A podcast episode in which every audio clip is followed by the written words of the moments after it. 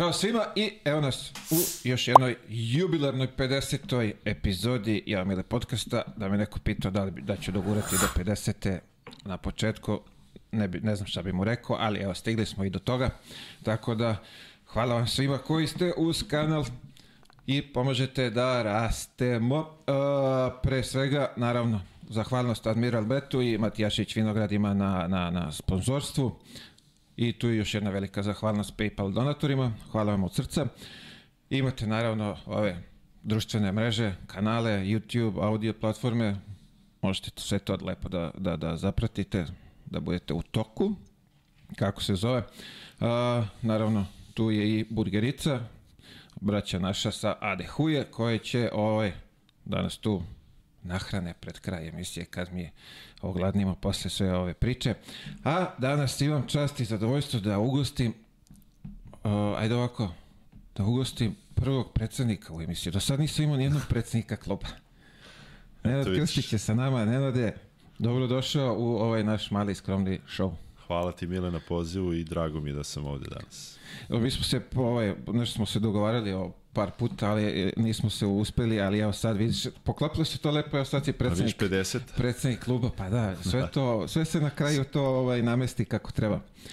Predsednik kluba je sa nama, predsedniče, A dobro, ajde sad to predsednik malo, još se, još, još se navikavam na to, ali stvarno uh, iskren da budem, ajde sad malo i da posle, posle mm, nekog angažmana u Savezu nisam ni razmišljao o, kao sad da se opet vraćam u košarku, uopšte nisam, uopšte nije mi ni na kraj pameti bilo da nešto sad opet radim u tome, malo sam ušao neki totalno miran život, porodični i tako. Međutim, eto, ispostavilo se, po, došao je poziv ovaj, a, pre svega gradonačelnika Kraljeva, s kojim sam ja i ovako u dobrim odnosima. Na prvu mi to je delovalo, ma ne, ne treba to meni. Onda kad sam malo ovaj, a, ušao, razmišljao, onda sam shvatio da je klub u e, da kažem nezavidnoj situaciji gde treba neko stvarno da uđe da pomogne i onda sam nekako ajde, ja sam potekao iz tog grada, negde ja to shvatam i kao vraćanje dugu košarci na neki način i ovaj iako ja mogu svojim prisustvom i nekim znanjem i šta god već da pomognem tu. Tako sam i to ušao u celu priču. Kažem opet nije lako, ali vidjet ćemo, borit ćemo se. borba, borba je ispred tebe. Ovaj, stvarno, ja se iznenadio kad sam, kad sam pročitao ovaj, da, da si uopšte pri, prihvatio se te funkcije, Pa s je. obzirom kako je stanje u, u košarci ovde kod nas i, i koliko brzo trošimo ljude. Ovaj, To. baš sam se iznenadio kad sam, kad sam, kad sam pročitao. Pa nisi jedini, svi su, ono, većina, mislim, ovako, meni bliskih ljudi kojima nisam rekao da uopšte razmišljam o tome i da je neka opcija, svi su se ono kao iznenadili, otkud ti, šta, šta, šta će ti to, Međutim, ja sam ono uvek, i malo pre smo pričali, ovo, ja ono kad mi kažu nemoj tamo, ja obično tamo. Tako da, ovaj, ne znam, imam neki, imam neki dobar osjećaj da će to da, da, da bude okej. E, I dalje me drži taj osjećaj, naravno, konkretno košarkaški klub Sloga je baš, mislim, klub sa velikom tradicijom, istorijom i ja se ja ću prvo što ću pokušati da se malo povežem sa tom istorijom i tradicijom koja je sada malo onako e, poljuljani imidž i sve ostalo kluba, ali i naravno i organizaciono da malo posložimo to koliko možemo, pa ćemo da vidimo. Naravno, i klub igra i ABA 2 ligu, igramo i KLS i dobri su rezultati i prošle i ove godine, tako da mislim sve se nekako ovaj a, poklapa da može da bude interesantna priča. Kažem opet vidjet ćemo. Pa, pazi, sad, kad kažeš dobri su rezultati, stvarno i prošle godine i, i ove to lepo, mislim, lepo guraju. Sad, koliko se zaista loše u, u klubu da je da su ono nisu otputovali na utakmicu šta je bilo nije, nije Da, bilo sredstava nije, kako da. to već šta, šta se izdešavalo Pa, pa bio je štrajk igrača, ja sad iskreno da budem, iskren da budem, nisam teo ni previše ni da zalazim u to. Znači to je bilo, desilo se to, ja sam pitao zašto, zašto nisu juniori otišli, oni čak nemaju ni juniorsku ekipu, to jest juniorska ekipa je na pozajmici u drugom klubu, što me malo onako neprijatno iznenadilo, ali kažem opet, to su sve neke organizacione stvari koje trebaju da, da, da, da, da, da stavimo na mesto, da dobri su rezultati i stvarno i, i, i, i ekipa je dobra, ima dobru hemiju, trener radi jako dobro. Međutim, ono što mi se što mi je jako čudno, ovaj atmosfera u gradu generalno nije e, proporcionalna e, rezultatima kluba. I to verovatno e, proizilazi iz toga, iz toga što su ljudi malo se distancirali. Ima svega, ima i nove hale. Mislim, znaš, hala u Kraljevu, stara, ona ima Stare sve. znam, staru znam, ali novu nisam, nisam pa, vidio, novu, da.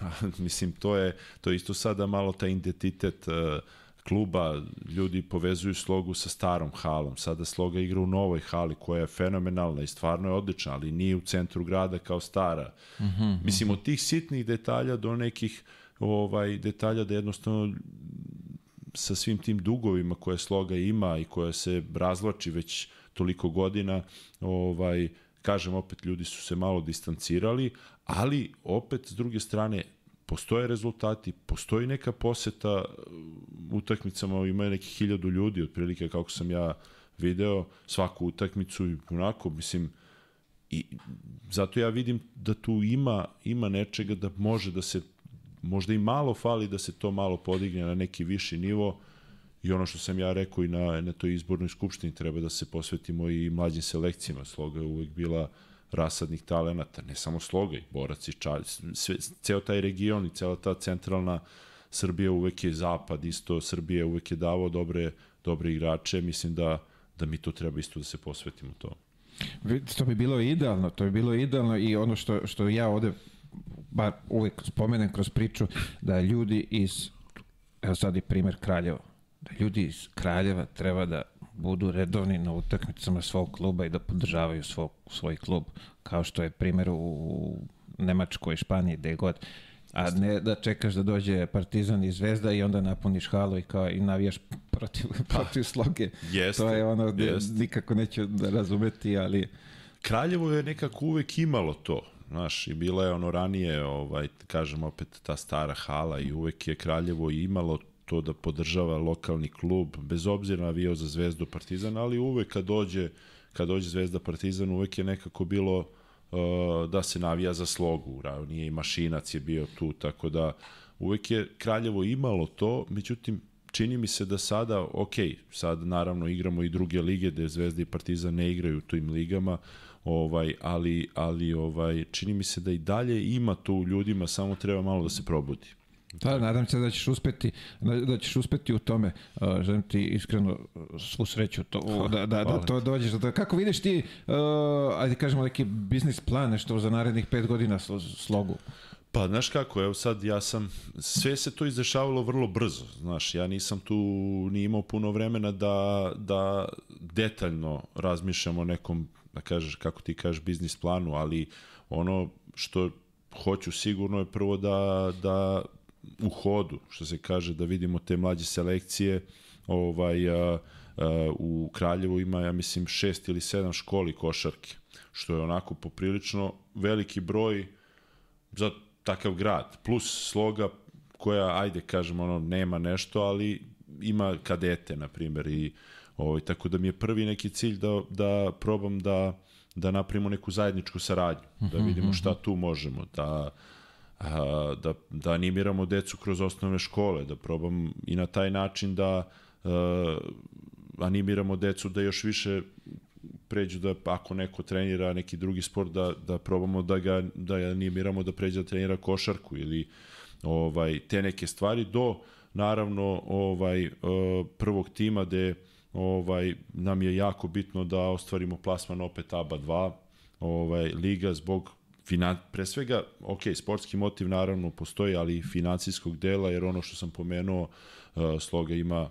dugove koji datiraju iz početka 2000-ih, 90-ih, wow. mislim, to su neka, e, ima dosta i nekih van sudskih poravnjanja, ima svak, svašta onako, ali je vrlo, sada ja to imam onako, to mi je možda bio prvi plan da vidim kako da što pre uh, uspemo, naravno, sa, pomenuo sam gradonačelnika, ovaj koji je tu stvarno uključen i voli sport i zajedno s gradom da probamo da anuliramo koliko toliko te dugove, jer sve dok budu ti dugovi nekako ćemo uvek kaskati. I ovaj mislim da bez neke zdrave financijske ovaj financijske stabilnosti, da tako kaže, ne možemo ni nešto dugoročno ni da planiramo. Tako da ja, evo sad konkretno, sad kad me pitaš, ja ne mogu još uvijek da planiram uh, tim za sledeću godinu, jer ne znam šta će da me, mislim, ono, tek sam došao, ali ne znam šta će da mi se nađe iza ćoška i sad mi je prvi cilj da završimo sezonu bez trzavice i da ostvarimo taj plasman ABA 2, jer smo, ajde, KLS već sa jednom pobedom obezbedili plasman. Tako da, eto, ako, ako mogu da se ponovim opet, mlađe selekcije su broj 1, sledeća stvar je to da sa prvim timom napravimo te plasmane i te ciljeve kratkoročne i financijska neka što bolja stabilnost. Pa, uh, ja bi samo dodao, neću da te savjetujem, da pokušaš da te, te klince zadržiš u Kraljevu, da. da ne trče svi za Beograd. Pošto će u Beogradu svi da se izgube, Znam. Nadam se da će deca i roditelji iz Kraljeva da gledaju ovo i znači ne trčite za Beograd, ostavite u Kraljevu, trenirajte u slogi, šta još ima tamo mašinac, koji pa sto klubovi gde su škole košarke. Da. Kad bude došlo vreme, ako ste kvalitetni, ako ste deca kvalitetna, bit će prilike za Beograd i ostale ove, sredine.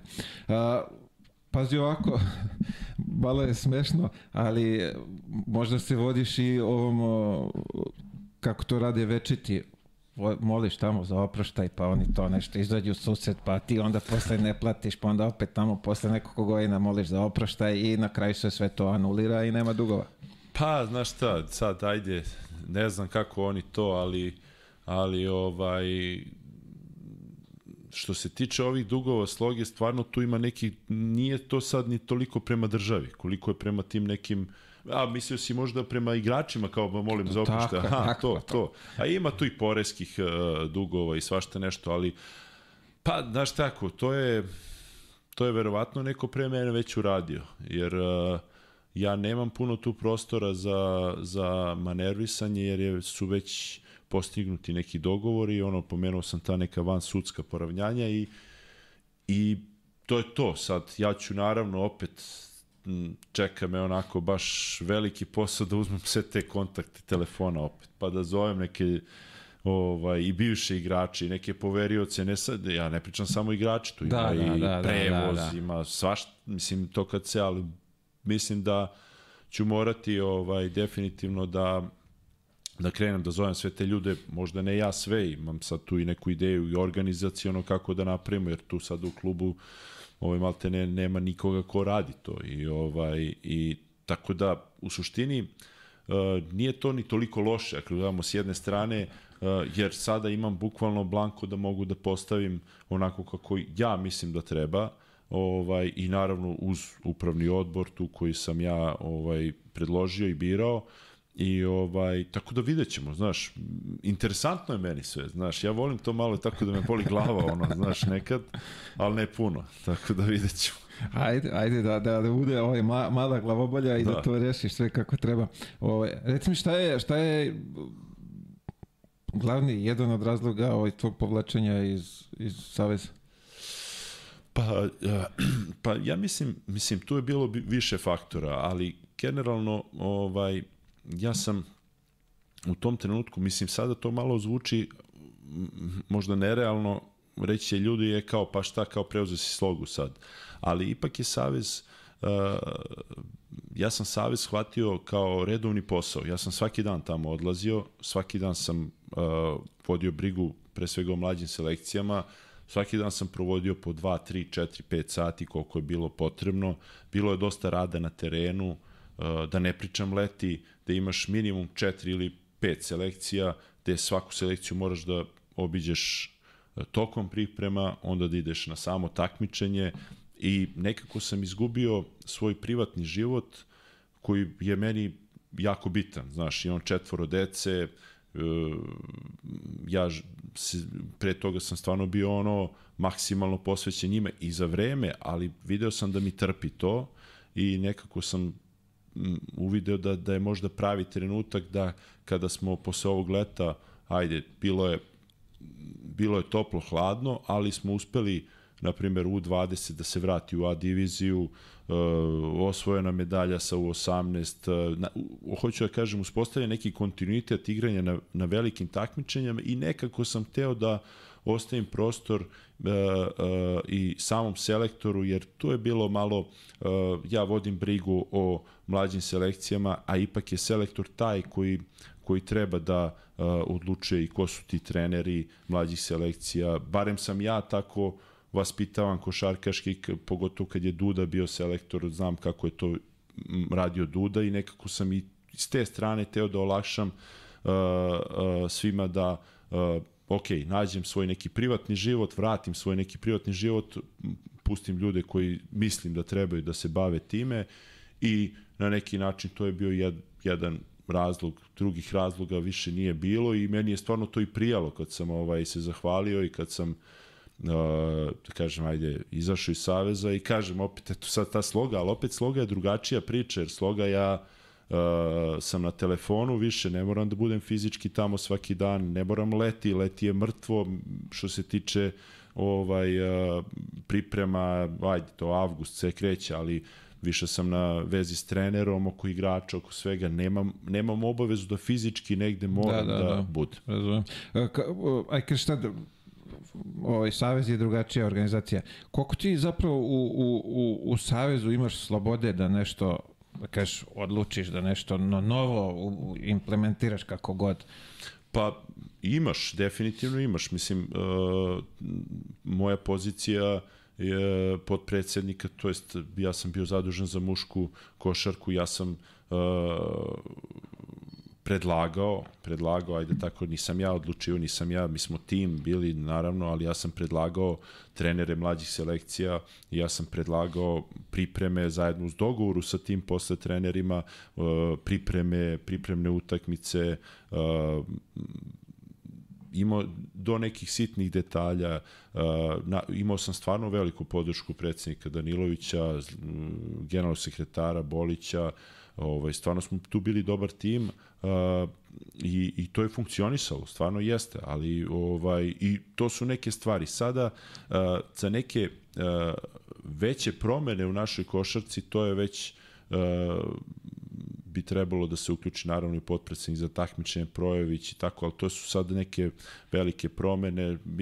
Pričam više o sistemu takmičenja uh mhm, -huh. Mhm. za mlađe selekcije, ovaj klubskom sistemu takmičenja gde smatram da postoji og, ogroman prostor za napredak ovaj i, i, i siguran sam da će to i da se desi u nekom trenutku ovaj i tako mislim imaš imaš prostora definitivno i nije to samo fiktivna pozicija, ono kao sad sam tu, ja sam, kažem ti, vra, išao sam svaki dan, uh, u savez kad je trebalo, ostaju i duže, nekad bilo je posle. Jasno, stvar. da, jasno. Uh, sad, opet, kažem, tu se, kako sam se vratio, dobijem tu nekih raznih informacija.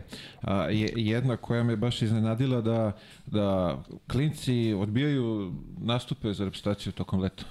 Jeste, da. To je baš to je, onako poražavajuće. Jeste, jeste. To je baš onako meni bilo, ja sam to shvatao poprilično lično, ovaj, ako sam uopšte mogu da shvatim te klince, ovaj, i bilo je dosta toga. Bilo je, pogotovo poslednje ovaj, godine, prošle godine, poslednje ovo leta, imali smo, ja ne znam, pa mogu da lupim sada broj, ali najviše je bilo uh, otkaza u 20, što ajde, znaš, B divizija, mislim, ne mogu ni to da shvatim, ali, znaš, ono kao, ajde, kao ima B divizija, pa neće kao da igra, ali u 18 da igraš evropsko prvenstvo, gde si ono na, i pritom to ajde u 20 već su seniorski maltene igrači, pitanje je kad završavaju lige i tako dalje, Ovaj, ali u 18 to nisam mogao da shvatim. Stvarno tu je bilo mnogo otkaza, mnogo nekih sumnjivih situacija i E, eto, eto, možda dobro si me to i podsjetio, možda i to je jedan od razloga zašto sam ovaj jednostavno nisam mogu da shvatim te te igrače, momke koji ko zna ko njih savetuje i šta radi, ali ne mogu da shvatim da neko odbije da igra za reprezentaciju, ne mogu da shvatim da neko se ne javi na telefon ili šta već. Mislim, ajde, seniorska reprezentacija je totalno nešto drugo, ali ti ako imaš 17-18 godina i odbijaš, čak si ni ne javiš, meni je to, ne, ne, ne, ne mogu, ne mogu da E, shvatim. pazi sad, pa- pričamo, prošli smo, ja sam dole dobio neke pozive od rep- reprezentacije. Ti bre budeš srećan kad dobiješ poziv za bilo koju selekciju. Pa, Ja ne znam šta se to sad promenilo toliko da je kao ne, neću, idem za reprezentaciju. Pa ne znam, ne znam. Ajde sad možemo da pričamo uh, svašta nešto. Ja, ja iskreno da, da imam neko baš objašnjenje za to ne, ne bi mogu. Možda je ta dostupnost informacijama, društvene mreže, možda više deca znaju nego što smo mi možda znali. Na šta sam ja znao? Meni dođe poziv sa 18 godina, u stvari ja, tad, ja sam bio prvi put pozvan mladu reprezentaciju, što kažeš ti, ja nisam spavao veče pre toga da ono, bukvalno da sad opet to je neka druga, znaš, ja ne znam ništa, ja odlazim tamo u nepoznato, ali znam da je to reprezentacija, znam da sam gledao tu reprezentaciju na TV-u i to mi je vrh. E sad možda ova deca možda više, možda im je cilj neki drugi, možda žele draft ili da se Tek tako drafta. Pa, možda žele nešto, možda, možda im je novac na prvom mestu, se ne povrede, da rade na sebi, a opet ne, kapiram, ne kapiraju da možda ipak najviše napreduješ igrajući za reprezentaciju na toj velikoj sceni, jer sad opet i taj draft sam pomenuo, na 18, koliko samo skauta ima na prvenstvu. Meni to je jasno, sve to razumem, ali kom ti draftu i bilo čemu da se nadaš i, i da se nadaš, ali pa sad ovo, ti odbiješ poziv sa 16, 17, 18 godina za reprezentaciju i očekuješ da ćeš budeš senior. Znaš, Pa, Mislim, moraš prođeš k- kroz to, majkomu, da od tih mlađih selekcija pa da, da zaslužiš Mislim, za taj i seniorski poziv, ako si kvalitetan. A ti, Ne kažem ja, znaš, i te mlađe selekcije postoje da bi pravili igrače za seniorsku. Mislim, ono, ja uvek kažem i to mi je nek, mislim, u, u, u razgovoru sa nekim najbližim saradnicima uvek smo pričali da se igrači prave u klubovima, ne u reprezentaciju. Reprezentacija je ono, dva meseca dođeš, igraš i to je to, ali zajednički ovaj, mi svi postojimo u tim mlađim selekcijama da bi pravili igrače za prvi tim Zvezde, Partizana, reprezentaciji i to je sve legitimno i sve okej. Okay. Čak i ako neko možda će se i desiti, neko je odbio u 18, ali možda će postati seniorski reprezentativac i neće njemu niko zameriti što je pre 5-6 godina odbio. Ali mislim neće se niko ni sećati na kraju dana. Da, brzo ali, se to zaboravlja, Brzo se zaboravi. da. Ali to je neka kultura, uh, disciplina, vaspitanje, znaš, ako ti odbiješ sa 18, šta šta da očekuješ Šta da očekuješ? 20, 20, 21, 2, da. Da, da, će se Da. desiti. Pazi, ono što, pa i, i još, ajde kažemo, grđe što sam čuo, što me još više iznenadilo, da uh, selektori vrbuju igrače u toku reprezentativnih obaveza za svoje klubove. Pa, to je, znaš kako, to je ovaj uvek bilo ovaj neka opipljiva i osetljiva tema i ovaj ja nikada nisam, ja, mo, ja 33 godine sam bio u Savzu, ja nikada nisam prisustvovao tako nešto. Da sam čuo, jesam. Da je bilo primjera i pre mene i možda i za vreme mog nekog boravka u Savezu, verovatno jeste i bilo je. E sad, treba i, i, i, i treba ja, mislim, treba reći šta znači vrbovanje. Mislim, šta, šta podrazumemo pod vrbovanje? To što neki trener kaže, e, bilo bi ti bolje dođeš kod mene. Mislim, danas svi igrači imaju neke menadžere, imaju, ja sam uvijek pričao trenerima, nemojte to da, da, da, da zna se kako, ako ti se neki igrač sviđa ili ako zna se put do Tako je, tog. da, malo je. Nemoj ti to da komentariše, jer svi pričaju, svi, dešavalo se da neki trener kaže u šali, više onako, jer provode po meseci, po dva meseca, ovaj, uh, ima tu i dobronamernih, nema tu samo da skrivenih nekih interesa, ali definitivno ima i toga, ima i, i, i, to je jedan od razloga, verovatno, zašto igrači ne žele da dođu da bi bili klubovi ili ko već ih tu skriva. Sigurno da postoji, to je baš onako ovaj širok dijapazon svih tih problema i to, ali kažem ti opet ima, ima toga, bilo je, ja sam se stvarno trudio da to s trenerima iskorenimo što više, ali ne možeš ti, ja mogu da garant, garantujem za sebe. Tako je, da, to je to. Ne možeš ti garant, mislim, do nekle možda neko garantuješ, ali nikad ne Ali znaš nikad ti ne možeš ni to da dokažeš. Ovaj Da. kaže, e, ovaj mi rekao, ja pitam trenera, kaže nisam. Mislim, to je, To je to, da. znaš, Da, jasno, jasno. Uh, kako si ti, pošto si u tom momentu bio deo ovaj, Saveza, kako, kako si ti prihvatio ovaj, odluku da se Miloš makne iz...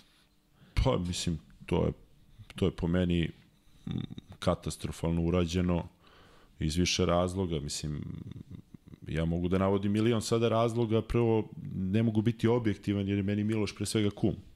I, ovaj, i ajde što je kum, ali jako smo dobri prijatelji. Igrali smo u reprezentaciji zajedno i ovaj, ali sad da to pokušam da stavim sve po strani.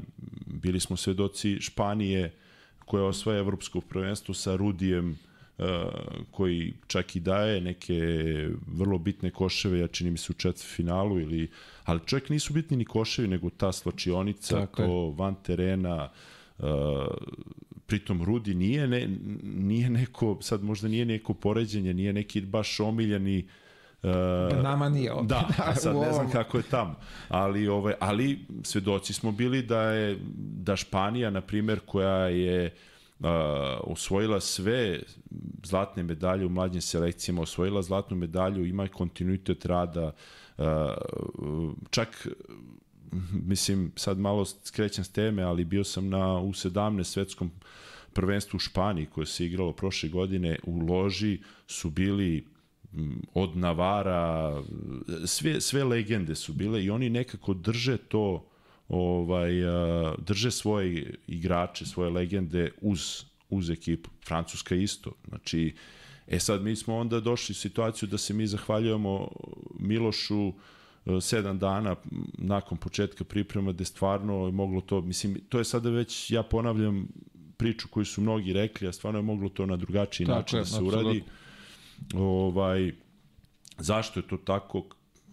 Selektor je taj koji odlučuje, naravno, i uvek treba to poštovati. A, Naravno, najviše i odgovara za rezultate, ovaj, tako da, u suštini, ja mislim da je to samo taj potez, da li je to bilo dobro za ekipu, da li bi on doprineo nešto, ja sad to ne ulazim, ali bilo je loše urađeno prema Milošu koji ja i znam da je dolazio igrao kvalifikacije kad mu je dete bilo u bolnici, uh, i kada je bio povređen, dolazio je bio uvek tu za reprezentaciju da mu se na taj način, pritom znam koliko ga to pogodilo. Tako da, Ne, ono što sam ja rekao, da takvom igraču koji je, složit ćemo se, mnogo toga doneo za Srbiju, kako god, na taj način nije smelo da se uradi. nikako. Da. Ili ga zoveš, ili ga ne zoveš. Ne možeš ga pozoveš i posle 7 dana kažeš, ej, aj kao, Slažem je- se. Slažem se. ne, nije trebalo tako da se uradi kako god. Mnogi će možda ovaj, Pa složiti većina, da je on većina imao... će se složiti. Da je ovaj, čak vidi, on je verovatno mogao i da doprinese ekipi. Što ti kažeš, mogao je bude ko Rudi tamo da u- uđe 3 minuta, 5 minuta, ali da, znaš, da to bude sve tu, ali opet na kraju selektora odluka je... Pa Ovaj, na kraju, na kraju dana, ako čak i treba da izgubimo, bolje da izgubimo sa Milošem, nego da, mislim, ja sam pristalica više toga, nego da sklanjamo Miloša na taj način, a onda svakako gubimo. Mislim, ok, naravno, nismo mi znali da ćemo da izgubimo u gde, u četvrtfinalu osmini, ne znam ja ta, više da čet, prva na ona Osmina. eliminacija. Os, da. osmina. Ovaj, nismo mi, mi smo se nadali najboljem, naravno, i verovatno i on vuče neke, i Miloš ima svoje loše navike i svašta nije ni on idealan. Mislim, daleko od toga, ovaj, ja znam dosta njegovih mana, mislim, ko što i ti verovatno zna, mislim, ali uh, isto tako Milošu naći pravo, evo pa se, svedoci smo sada Skariolo šta radi u Virtusu. On mu je pronašao sad čovjek koliko ima, 36 godina, on stvarno ima utakmice koje su i dalje ono Za ne MVP poverati, za ne Pa, poverati da, da, da i dalje pruža taj... Pa tako da to je opet, vraćamo se do trenera da mu nađe pravu ulogu i na terenu i van terena. Sad, opet reprezentacije kratak period, vrlo su malo imali ovaj vremena za pripreme. Pitanje, ja sad da ne branim samo Miloša, znači pitanje je i Miloš u kakvom je stanju došao na pripreme, ali opet je to ono ajde da To to. sednemo pre priprema, da. da pričamo, da vidimo. To je to, malo je, kažem, ru, ružan način prema njemu, kako to sve izgledalo. Uh, tvoji utisci sa Evropskog prvenstva? Pa, Kako si ti to, mislim, bolno je bilo? Bolno je bilo, mislim da ta jedna utakmica, to je uvek onako malo, ovaj, moglo da bude i drugačije. Mislim, izgledalo je stvarno dobro. I mislim da smo se malo potrošili u kvalifikacijama, malo je tu, te utakmice su morale da se dobiju i to je, ja mislim, možda i prvi put da, da, da reprezentacija igra a, tako bitne utakmice pred sam početak evropskog i sa jakim protivnicima i mislim da tu malo je nas je poremetilo pogotovo u stvari obe utakmice i ova sa Grčkom je bila stvarno ovde ja sam uživao kakva utakmica. Fantastično. Da. E onda tamo u Turskoj isto mogli smo lagano da izgubimo tu, mislim da smo tu potrošili dosta energije, onda smo tamo otišli možda malo kao lakša grupa i naleteli na ove Italijane koji kao i, i godinu pre toga koji nemaju šta da izgube, a znaju da igraju. I, I malo ih je, ajde kažemo, i poslužio i, i sve je krenulo sve u onoj trećoj četvrtini da. katastrofa. Da. Dakle, da. Yes. O, ka, prozori, evo sad završišmo ove čuvene kvalifikacije, mislim, plasirali smo se ovaj, da. konačno.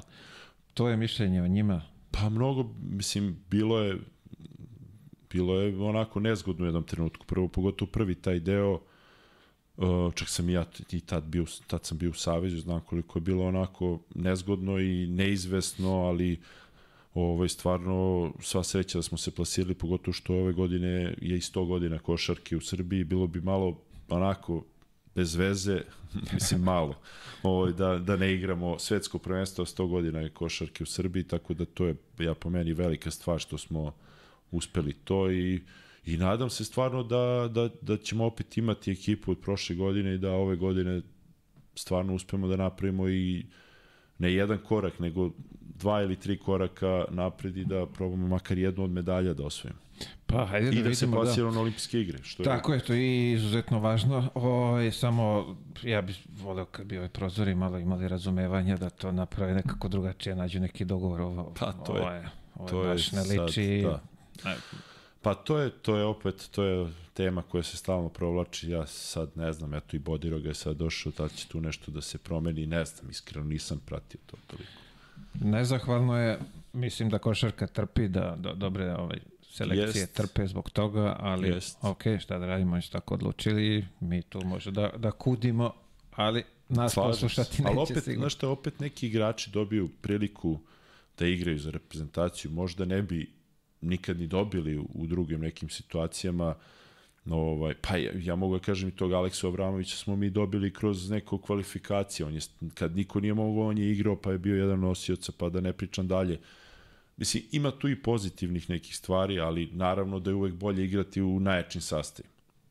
Tako da, mislim, bili smo ono i svedoci Slovenija, prvak Evrope, pa ne ode, ili Tako je. Pa evo sad Argentina, kako pa, više koliko od 80 neke da. Pa, Ali dobro, ajde, vidjet ćemo. Vidi ovako, ajmo mi sad uh, lagano u detinstvo da vidimo kako to izgledalo tvoje odrastanje pored Ibra, tako Ibra? Jeste. Pored Ibra, ovaj, kako to izgledalo? Pa, znaš šta, to ti je ono, ko i svi što smo tad u tim godinama odrastali u manjim sredinama, ovaj,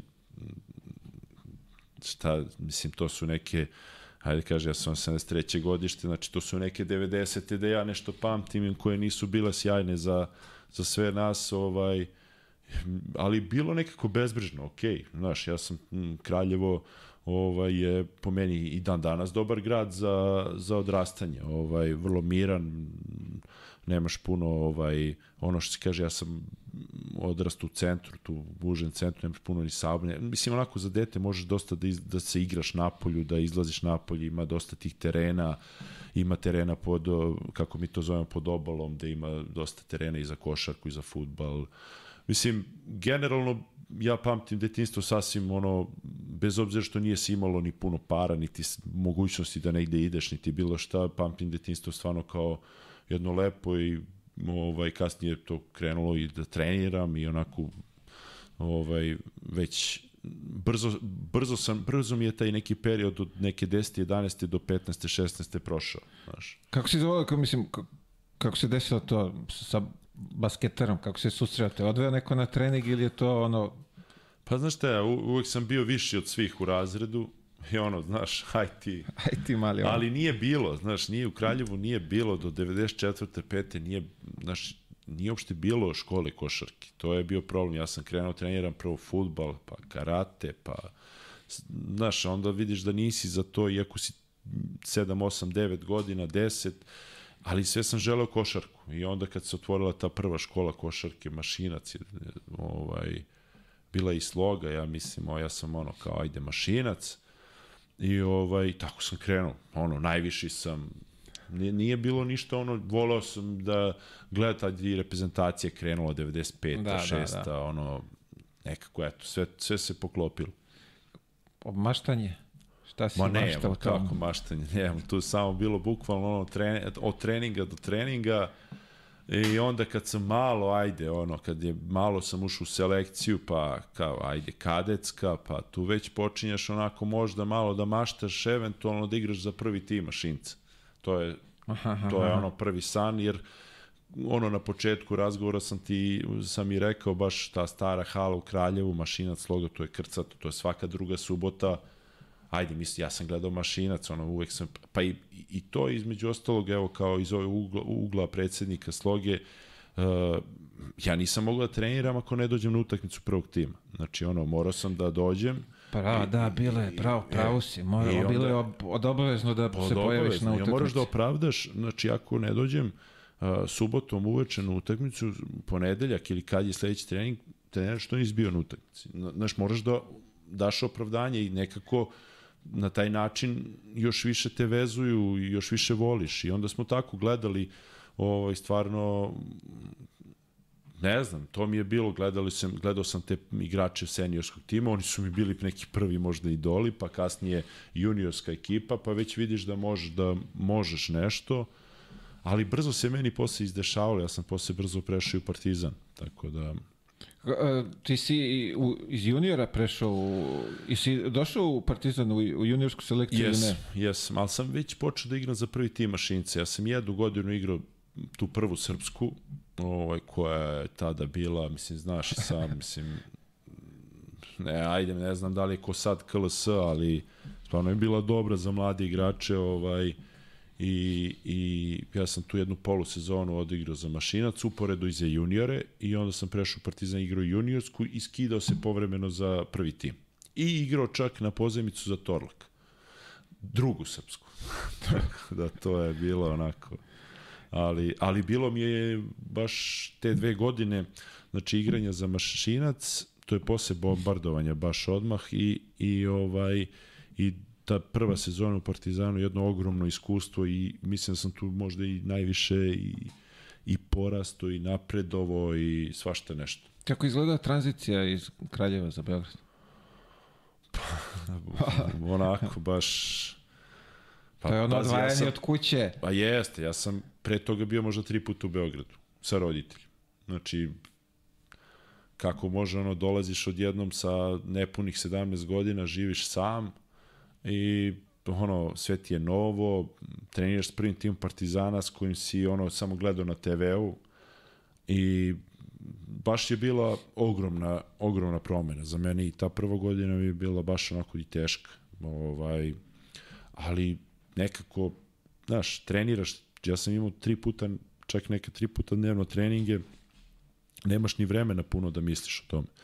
Tako da, bilo je onako, baš je bila ogromna razlika i dobro, naravno, roditelji su tada bili normalno mlađi, pomagali su mi dosta, dolazili, uh, imao sam tu i neke drugove koji dođu, uvek je bio neko tu, uh, i prve godine sam imao i cimer u stanu, tako ajde, znaš, ono, lakše, lakše je tako, na neki način.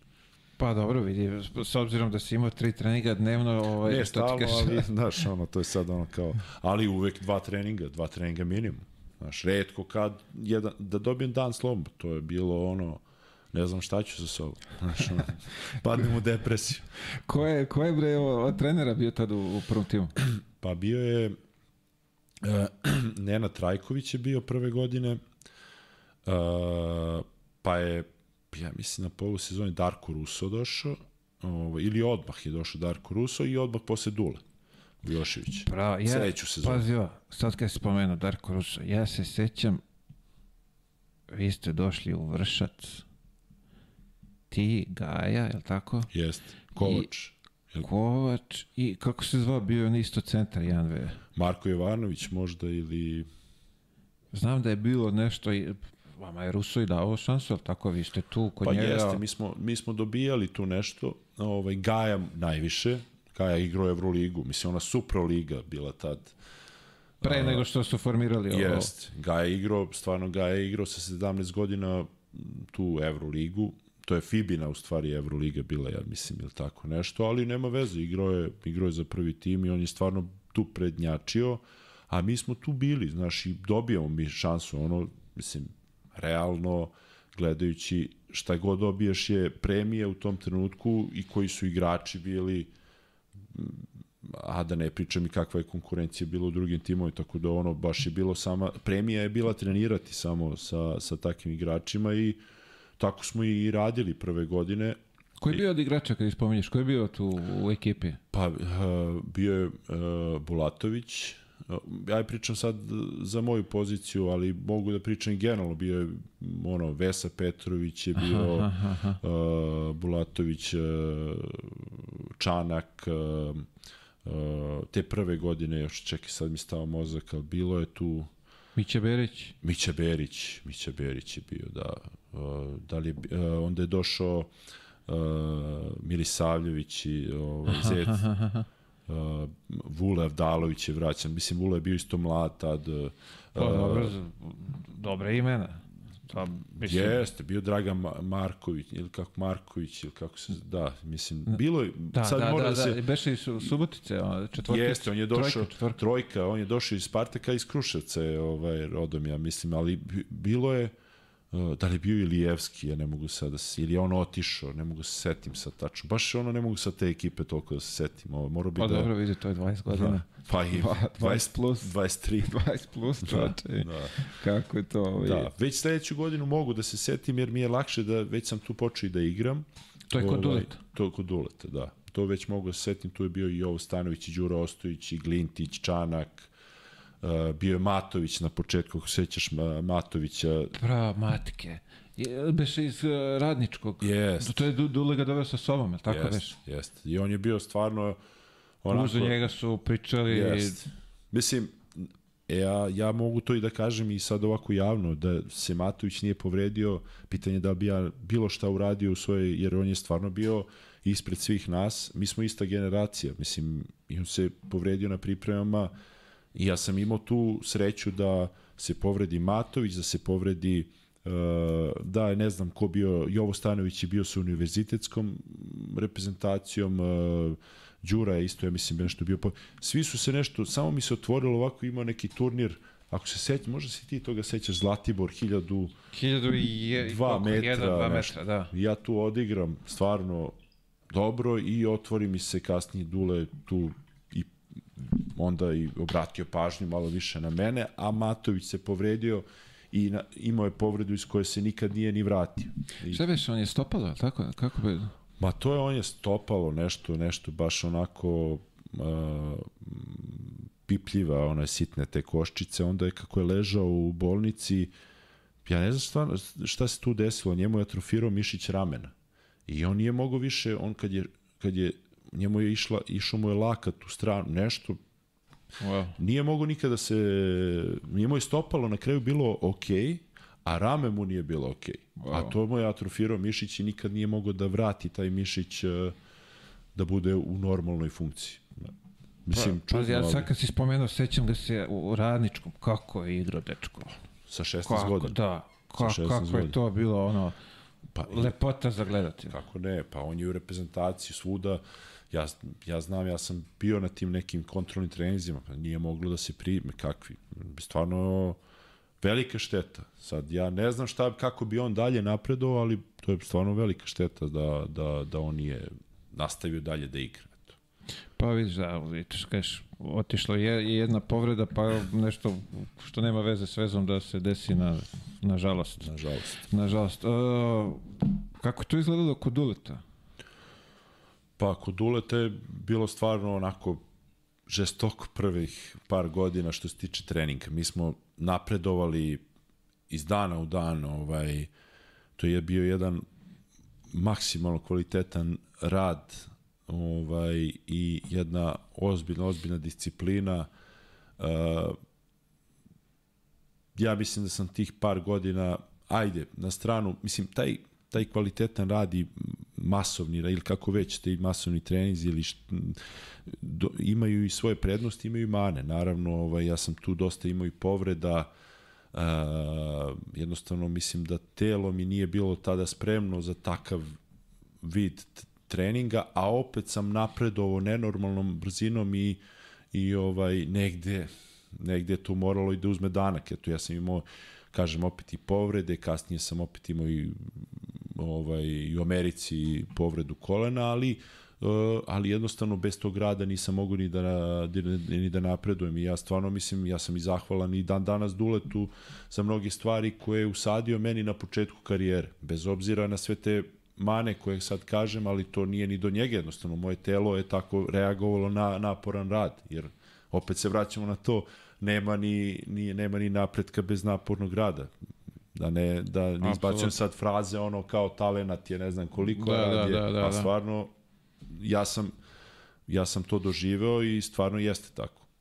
Uh, koliko je, sad kažeš da je, koliko je u stvari bitno da imaš takvog trenera u tim mlađim u mlađim godinama, kako god to nazvali, da, što ti kažeš, da ti usadi to, da, da znaš kako se radi, kako se trenira. Pa ja, ja čak ne mislim da je bitno, ja mislim da je presudno. Da je to u mnogim situacijama presudno. Ja da nisam imao, ja ne želim uopšte sada da laskam duletnu, ali ja da nisam imao bilo kojeg drugog trenera u tom trenutku, pitanje. Ali stvarno šta bi, ovaj, kako bih se razvijao, ne kažem, možda bi bilo i pitanje, pitanje da li bi bilo bolje, ali stvarno ovaj mnogo puta kad vidim nekog eh, talentovanog igrača, to znaju moji bliski prijatelji, ja kažem, e samo da je njemu dule sada da ga, da ga, da ga uzme pod svoje, uh, on bi, ne znam šta, jer ja sam to stvarno u, u, tim nekim godinama koje su vrlo, ti to znaš isto, koje su vrlo osetljive za za razvoj, za dalji napredak u karijeri, pričamo znači, od 18, 19 do 21. godine, ovaj, imao tu sreću da imam trenera koji je izuzetan za rad sa mladim. I pogotovo, pogotovo uska specijalnost centri. Da, da, da. da. Ovaj, I ne znam da li sam u tom trenutku mogao da dobijem boljeg trenera od Uleta. Mislim, to stvarno kažem sada i, i, i, i to ću uvek reći. Mislim, to je, to je moje mišljenje, znaš, ovaj, tako da ovaj, stvarno što toga tiče nema. Samo me podsjeti, je li profesor Koprivica bio tad ili on došao Profa, kasnije? profa je došao kasnije. Bio je profesor uh, ovaj, Zimojić, pokojni, ovaj, uh, i sa njim sam isto dosta jako napredao i on je onako baš, Pera je baš bio onako, mislim, ja sam volao njega i on baš mislim da je volao i mene i onako smo imali dobru konekciju i mislim da smo tu konekciju nažalost ostvarili zbog svih tih mojih povreda koje sam imao i mi smo radili zajedno oporavak i i ono baš smo baš smo bili bliski. Ovaj uh, to je otac Bate Zimović Kako, da, da, da, ljudi ko, ko, nije, ko, da. nije, ko nije upućen. Da. Da. Ovaj, I sa njim sam imao stvarno dobru saradnju. Profesor Koprivica, ja sam vrlo malo sarađivao sa profesorom Koprivicom. Mislim da je on nešto čak eh, baš bio kratko. Ovaj, tu ne mogu iskreno da se ni setimo. On je kasnije došao i kasnije su kasnije su i oni rezultati Final Da te Four. pitam, da- zbog toga te pitam, je, uh, iz priče sa ljudima koji su tad bili u Partizanu, profa kad je došao, uh -huh. uh, ajde kažemo, Mhm. to je- Dule je počeo da ga sluša, da ne preteruje, da ih ne gazi toliko i onda je valjda došlo i do manjih povreda i do svih tih rezultata. Da, to znam i ja za Trofeja. tu, znam ja za tu priču, ovaj, sad, iskren da budem, nisam bio deo tog sistema kad je prof Koprica i ne mogu da ne mogu ja sad mogu Da, da, da, pričam kao kažem što ko- koliko to bi, najbolje mislim tebi bilo lakše da je bio neko tad uz Duleta, kaže, ej, ne Da. preteruj, stani, zaustavi, Pa sad nagazi, ne znam, ali to je došlo posle, da. ne znam iskreno jer ja sam i volao da treniram i pitanje da li bi kako bi to izgledalo iskreno mogu sad samo da nagađam, ali verovatno verovatno u mom slučaju bi bilo isto, znaš, jer ja sam kažem ti, ja sam volao da treniram, ja bi dolazio i sam i teretanu i ovako, mislim, ja bi tu gurao da, da, da, ovaj, da treniram što više. E sad, e, timski treninzi su nešto totalno drugo i verovatno je tu profesor Koprivica uticao najviše na Duleta da ne traje trening 2,5 sata, nego traje sat i 45 lupam sad. Da, da, da. Ali a to možda najbolje, mislim, to si ti verovatno imao i prethodne goste koji su imali tu ta iskustva. Da, da, pa, pitam, ti si da. bio tad u tom periodu, ali što, to se verovatno desilo posle, Da. posle tvog odlaska. Ovaj, kad kažeš, dolazio si sam da treniraš, šta, šta te guralo da, da, da, da, da ono, treniraš i, i preko tih svih napornih treninga da... Pa, želja za, za, za uspehom, želja za... Nisam se zadovoljavao, iskreno, ono, mislio sam, kad sam ovaj, već tu, pričam za Partizan, Beograd, ajde, ajde da probam da, da uradim nešto, jer sam onda počeo, uh, počeo sam polako da shvatam da imam šansu neku. I, ovaj, i, i, i, i samo, samo iz tog rada, znači imao sam taj ogroman motiv da napredujem. Uh, da jednostavno, ono što sam rekao, želja za uspehom, želja za uh, da idem dalje, da se ne zadovoljavam. Mislim da mi je to možda malo i karakteru tako ovaj, usađeno, ne možeš ti to sada ni samo kažeš, e, ajde, ja ću to sad.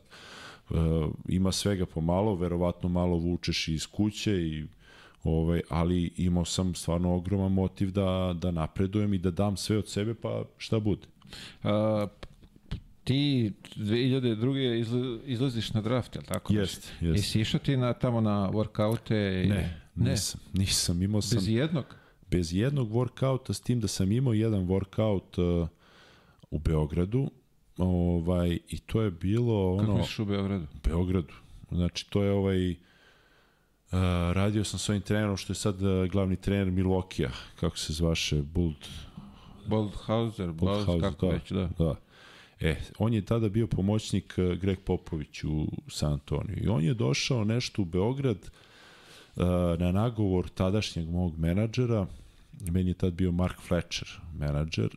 I ovaj i mi smo bili ovaj ja sam bio tada na pripremu u vršcu mlada selekcija. I ja sam ovaj uh, uz dogovor Jovica Arsić je bio trener i ja sam uz dogovor ovaj odradio sam dva treninga taj dan i uveče je došao taj pomoćnik od eh, menadžera Marka, eh, došao je po mene u Vršac, vozio me za Beograd, trening je počeo u 12 noću. Trenirali smo sat i po vreme u nekoj staroj hali negde na Dorćolu, ne mogu da se setim. Da, ponoć. da, da. I ja sam se vratio, večerali smo nešto, neke pljeskavice, vratio se nazad u Vršac imao trening ujutru. Ovaj, tako da to ti je neka ona, ajde, možda i... I oni su hteli, oni su hteli, to je to, rekli su, mi te uzimamo na draftu, to je, oni su imali 26. poziciju, međutim, ti znaš, na, Ed Stefanski je bio ovaj, brži, to jest imao je bolju poziciju, Poziciju, ovaj, da. New Jersey, oni su imali pravo biranja 24. pika i oni su mene videli na jednoj utakmici kad smo igrali protiv Skavolinija. I ja sam tu odigrao stvarno dobru utakmicu za Partizan i maltene sam draftao na osnovu videokasete. Eto, gledali su tu utakmicu tako po videokasetu i to mi je kas, kasnije Edi priča. Tako VHS. da, eto, toliko smo materi. VHS, čovječe. Da I rekao je, sam mislio da si išao tamo, da je bilo nešto. Ne. Pa sva, mislim, A ve- izvini sad, opet, uh, i to što je, što su oni radili, ja mislim da se krši sa njihovim tim Jest. NBA pravilima da Nemam dođu da, da, da se Jest. šunjaju tu po noći da rade trening. Pa moguće, moguće, ja sad to ne znam, to je bilo onako, iskreno ne znam, ali to je bila priča, to je stvarno... mislim, ovaj, desilo se tako da, Desilo da. se, nema šta. I to je bio trening, ja sam jedva izdržao taj trening, kažem ti, taj dan u Vršcu sam imao dva treninga, čak se nešto bio i sitno povređen, nešto malo sam i povređen bio, I pazi, taj put od Vršca do Beograda opet sati 15, sati Da, da, 20, da. pa odmah trening, pa uh, trening koji je ono, radiš non stop u nekom intervalu visokom i ovaj i onda se vraćaš posle ko zna kada se pet ujutru opet trening, ali meni, ja mislim, mlad si, šta? A dobro, mlad si, da, nije sporno, šta? nego posle dva treninga da te on istepa u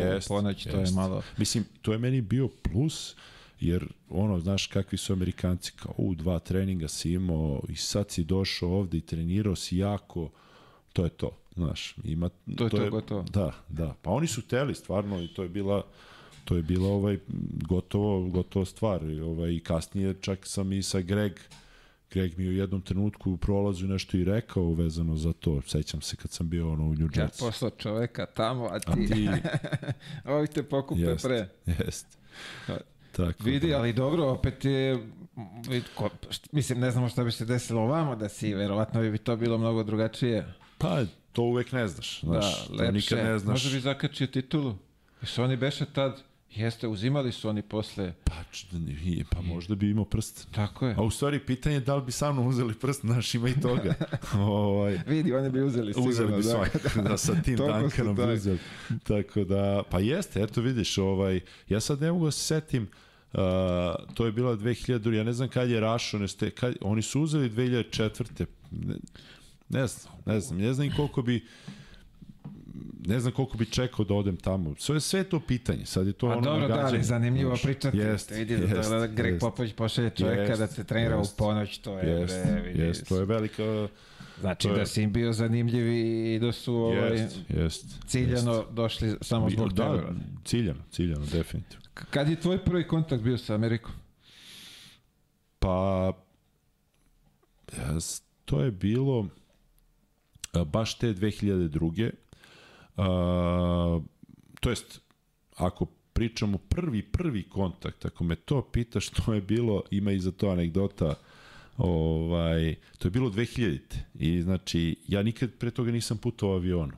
Znači, prvi moj put avionom, let, let, ono, let, je bio za Ameriku. I to je sa ekipom, juniorskom ekipom Partizana. Znači, ja sam došao u Partizan, nakon 7 dana idemo, idemo u Ameriku. I, i, i ono, znaš, ovaj, bukvalno sam došao u situaciju da na dan, uh, tad, baš taj dan mi je bio rođendan, i ovi mangupi, Gaja i ovi, znaš, kao mora častiš. I onda ja, ono, šta ćeš, ga ponao 300 dolara, sećam se, kao da idemo u Ameriku, da je dao mi otac, ono, kao evo da ti se nađe, i ja, ono, u stewardesi, kao da, ručak, znaš ono što ti, mislim, nemaš pojma. To mi je bio prvi, prvi neki ono, ovaj, kasnije smo igrali tamo neke turnire i bilo jako dobro, znaš, al, al prvi ono baš, eh, da kažem, malo kasnije, ono kad sam već eh, 2002. posle tog drafta imali smo možda ti to znaš Global Games u Dallasu, ono što igraju. Da, da, da, ovaj, da, ne znam da. da li je to i dalje aktuelno i tu su došli uh, generalni menadžer i, i ovaj predsednik uh, ovaj kluba New Jersey i tu smo prvi put Ti imali... izvinite, već si bio draftovan? Već sam bio draftovan, već sam bio draftovan. Uh, tu su došli da gledaju tu utakmicu. Ja sam čak bio MVP tog turnira, sećam se, ono nešto u finalu Chris Bosch je bio igrao za Ameriku tih ovaj uh, poznatih igrača. Izgubili smo nešto u finalu, ali to sad nije ni bitno. Bitno je bilo da sam ja prvi kontakt sa ljudima Uh, ti znaš Velju, fizioterapeuta. Kako da ne Kažem, da. Veljo, ja ne pričam engleski ništa, aj ti meni da prevodiš. A Velja još manje zna od mene. Tako da je to bilo to je bilo ovaj to je bilo interesantno i Velja i dan danas kad vidi kako smo ih prevarili smo ih sve. tako da to ti je bio moj prvi kontakt. Tako da posle toga posle toga ovaj ja sam dve godine ostao da igram za Partizan dve sezone pa sam tek onda otišao u New Jersey, ali smo imali kontakt stalno, jedne godine sam nešto povređen i tamo pa se lečio, ali u suštini stalno sam ja bio u nekom kontaktu, to mislim pričamo o kontakt, tada nije bilo ni Whatsappa, ni ništa, ni, ni, ni YouTube-a, nije, ništa nije bilo, do ti je kontakt da te neko pozove na, na, na fiksni telefon ili na mobilni, ono, regular. Tako je, da. To je to. Nema ni Pa, mail. pa ne znam, da, pojavili ste da bili su ovi, kako se zove, mobilni su izašli. Da, Bili bila su mobilni, ali nisu bile ove Whatsapp i ovo Da, nije da, bilo kako ništa. bila da, Nokia, ona 50 izmica, Jest. izmica na njoj i to je Pa. to. Pa bukvalno. Ovaj odlazak tamo, mislim onda znam sve kako izgleda, kako Da, si ti pa- ovaj, kad si, kad si ovaj, što bi se reklo, ušao u onaj trening centar? Kako, Pa, znaš šta, uh, uh, ja se sećam kad si ti dolazio, aj, uh, ovaj, ti si imao, ja mislim, tu sreću da nisi bio jedini ruki, jel tako? tako veš? je, bilo nas je trojica. Da, ili četvorica možda čak, ne znam, nije ni bitno, ali nisi bio jedini. O, ja sam tamo došao, ja sam bio jedini, ali sam imao uh, Zorana Planinića tu. I onda mi je on bio onako, ajde, podrška u tom nekom trenutku, mada i on je, ti znaš, Zoran, on je već ušao u neku priču, ima neki svoj život, on je opet živo drugačije od, od mene, ali mi je stvarno pomagao. Tu i tu sam imao tu sreću da imam njega jer, kažem ti, nisam pričao engleski, ono, vrlo slabo, vrlo malo i, i imao sam sreću što što, su, što je to bila neka, ne neka, nego znaš i sam, to je bila veteranska ekipa sa ozbiljnim igračima koji nisu imali uh, nije ih zanimalo da mene sad nešto tu drndaju ili šta već, nego su mi stvarno pomogli u tom trenutku, svi, i, i ta ona moja rešenost da, da, da napredujem dalje. Znači, jeste to bila možda i veća promena nego ono Kraljevo Beograd, ovaj sigurno,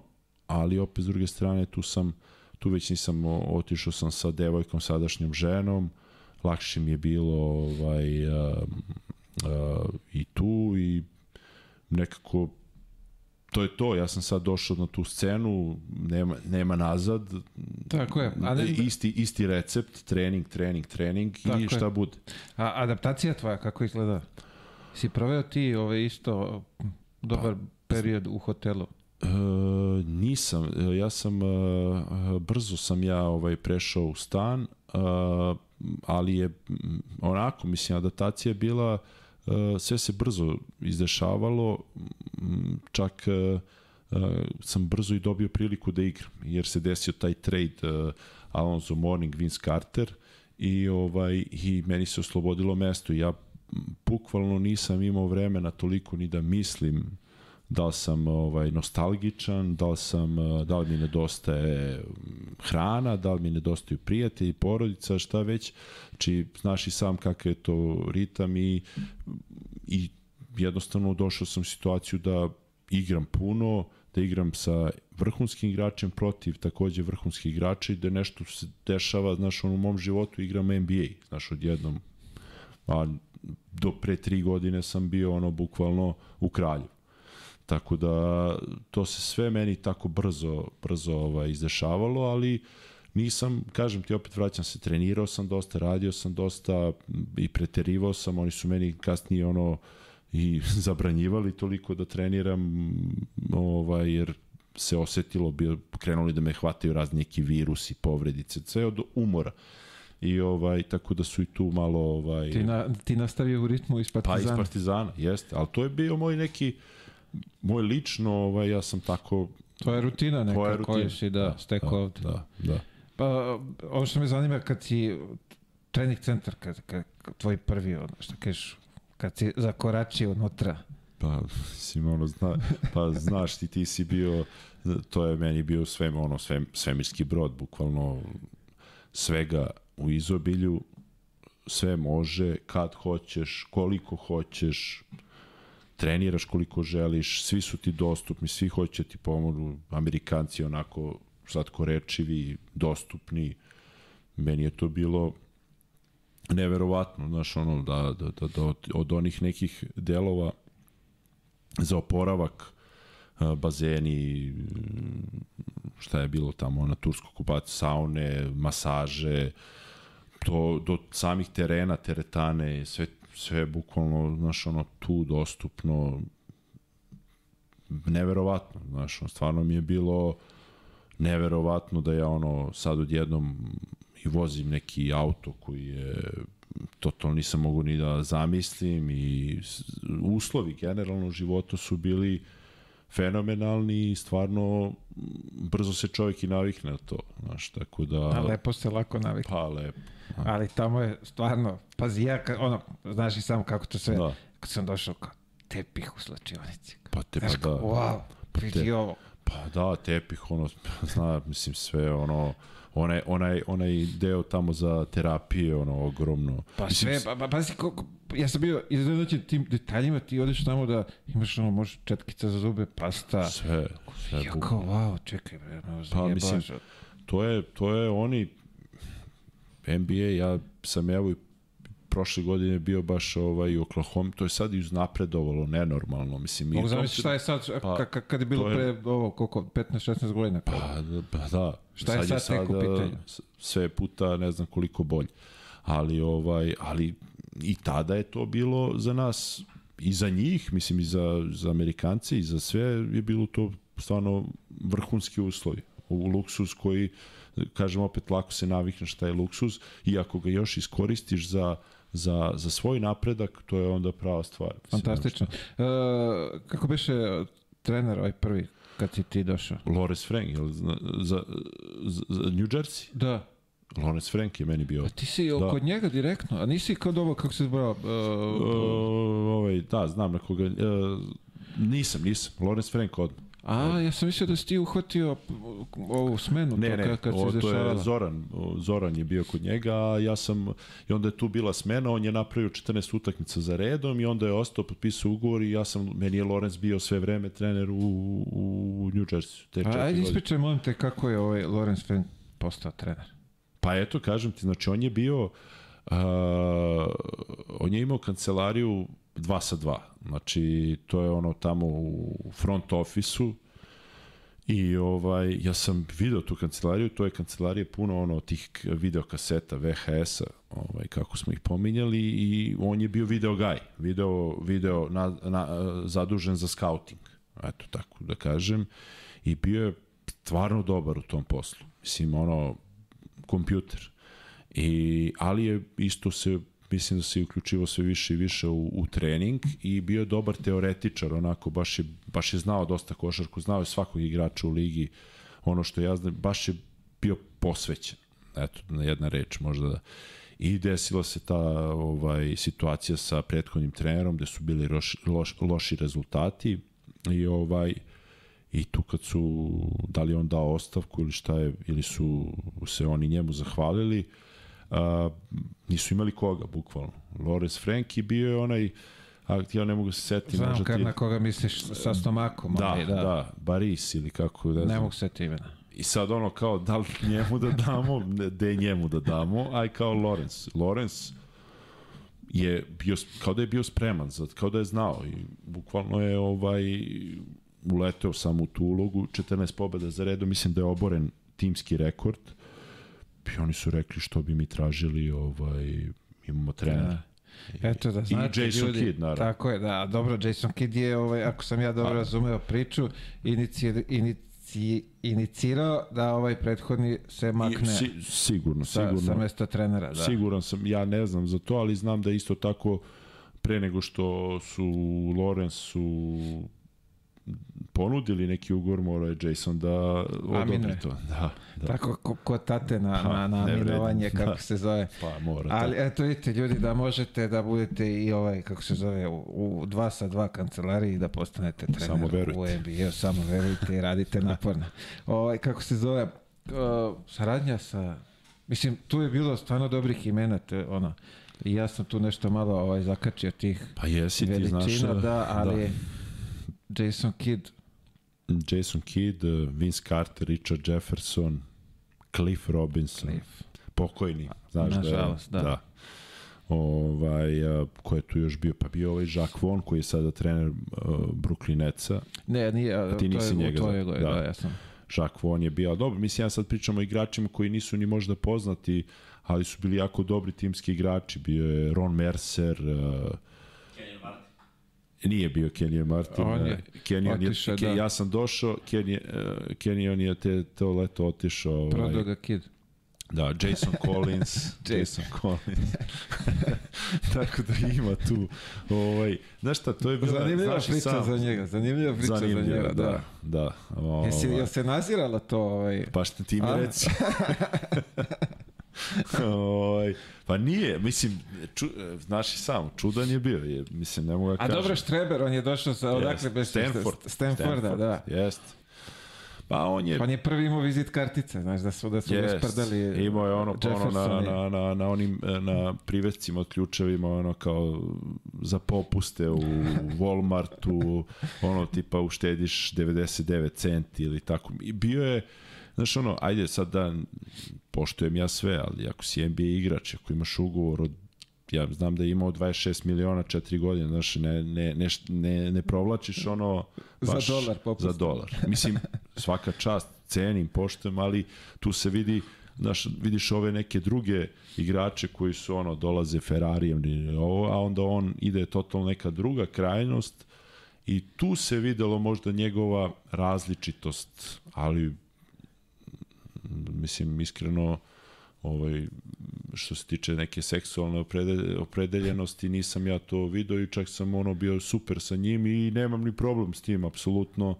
Ovaj, I svaka mu čast na hrabrosti. Znaš, ono, on je, ja mislim, jedan od prvih možda drugi ili kako bio onaj neki koji izašao u javnost i rekao i bio čak i bio igrač posle toga ja mislim bio u nekoj ekipi da li Bostonu ili negde A, ne, ne bre bio je u kad je, iz, kad je izašao. Atlanti? negde je bio. A tako beš? Ne znam, negde je bio, ali znam da je bio igrač a izašao javno. A bio je i krupan, nisi mogao ni se zameriš i da je hteo nešto. da, da.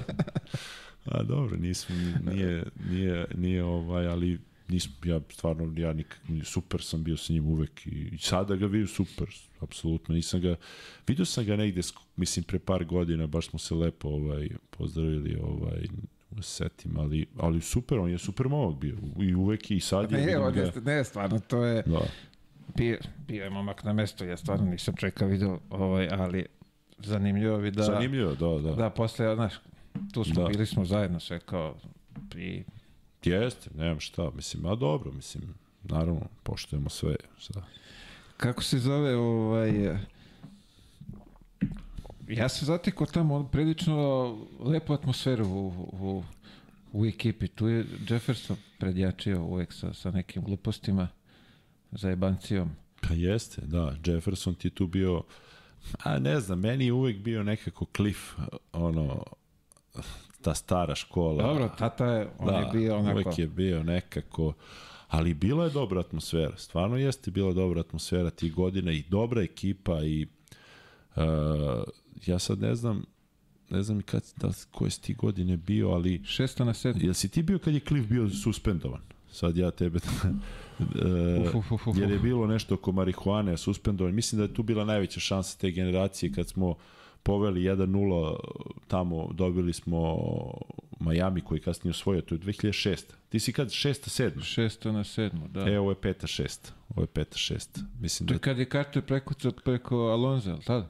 E, ne znam, zato što smo mi dve godine za redom igrali sa Miami u play-offu. Aha, sada, aha. E, moguće da jeste. Mogu, ne, nisam siguran, ali to je bila šansa po meni, mi smo dobili Indijanu prvu rundu uh, 4-2, sećam se, i onda smo igrali i dobili smo Miami 1-0 i to prilično lako i posle utakmice dolazi, a Cliff je i tekako bio bitan za tu ekipu, što u slačionici, što na terenu, on je ovaj neverovatno, mislim, sa onom težinom i visinom koji nije nešto za, on je više igrao četiri, ali je čuvao odlično šek. Da, da, da. I, da. ovaj, i imao je, znao je da ga isprovocira i širio tu odbranu i znao je da igra u paru i sa mnom i sa Jasonom Collinsom i sa kim je god je treba, znao je da igra na, na pet, a na primjer Jefferson na četiri. Bili smo onako nezgodna ekipa i mislim kad je on on je suspendovan tu pet utakmica, mi smo izgubili posle 4-1. Pali smo skroz nekako, ne znam. Ali mi, ja, posle nam se nešto otvaralo u finalu, mislim da bi to lako, ovaj, ne znam koja je tačna ekipa bila, ali mislim da je tako neka priča da smo prešli Miami, išli bi sigurno bi igrali finale ovaj, NBA, mislim sigurno nikad ne znaš, da. ali po kvalitetu smo mogli. Dobro, Cliff je bio stara škola, vole onaj. Jest, ali tu je... kažeš ti, Jefferson je bio stvarno prednjačio tu ovaj, vidim da je sada ono ovaj, Terašegu na ovim televizijama, Televizije, da. On je sad, da. ne znam na kojoj je, šta radi, ali vidim da je, ovaj, pratim ga tamo i vidim da, Da. da, ono, Je- jest. i, i dalje, i dalje I šega, tom, da. šega na, na visokom Jest. nivou. A, kad smo već kod njega naleteh negde ovaj, na njegovu izjavu da je voleo da prekucava velike igrače, pogotovo ruke koje, koji dođu u ligu i među svim tamo ovaj, velikim tim igračima si ti. Jel tako? Da. Jest, jest, jest, da. San Antonio kad je igrao, jel tako? Ne znam, ovaj, ne znam tačno Da. šta je, ali Ili, ili na tu je i Alonso, velika imena su tu, među Jest, njima si i ti. Jest. Je se, ne, ja se sećam, on je, on, ja i znam kad je to, ja mislim da sam ja igrao tada u Oklahoma, ovaj, a on je igrao za San Antonio. Sećam se tog kucanja, ovaj, čak mi nešto, ono, posle toga, ono, trash talk, kako pričaju. Pazi, znaš i sam, kad igraš tu poziciju... Moraš da se i- pomiriš da će se desiti. Ili, uvek ćeš u jednom trenutku, znaš, Zakasniti. kratak. Da, tako da, pogotovo sa takvim atletama. Znaš, tako da, uh, tu nema ko nije nema ko nije bio, ne za Jefferson, nego pričam generalno, pa ja znam Westbrook, Westbrook kad sam došao u Oklahoma, on je imao istu tu foru da zakuca preko centra, pogotovo ako neko novo, ja, ono kao meni rekli prvi trening, pazi se kao, znaš, ako krene on tu skloni se bolje bez veze. Ja ma evo kao de. Nisam i znao ko je znaš ono on znaš ti kako on zakuca? Znači to je bilo možda jedno od, od boljih kucan, kucanja koje sam ja ovaj iskusio. Vidi, ali ali ko na Federima tad bio mlad Jest, u naponu jest. snage, da.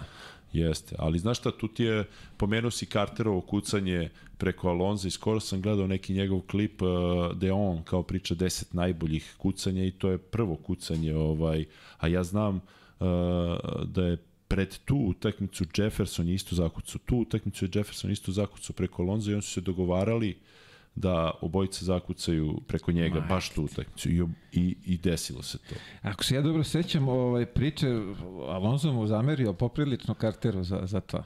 Pa ja ne znam sad, znaš, ovaj, uh, ti nisi, ti, da, ti si kasnije došao, ali Alonso je onako, ja, ja sam, ja sam, ba, mislim, ja sam imao poster njegov u, u sobi svoj, znaš, ja dolazim u New Jersey, on kao tu i sad ti mali dođete da igramo jedan na jedan i mi smo prvih dva meseca ono igrali sa, posle treninga jedan na jedan, ali vrlo je onako, ne znam kako bi ga opisao, ali, znaš, uh, nema tu šale puno, baš stara škola, onako i pred, verovatno i jeste mu zamerio to. Ali opet, druge strane, Alonso je jedan od boljih blokera u istoriji lige i kažem ti, ako ideš svaku da blokiraš, nekad će Da, se da, desiti da, desit će se da i da ti- ne blokiraš, tako da, će- nema tu ljutnje. Dešava se. Da. To je ovaj, kako se, u sklopu posla. Pa, jest. Ovaj, uh, J. Kidd, veliki. Da.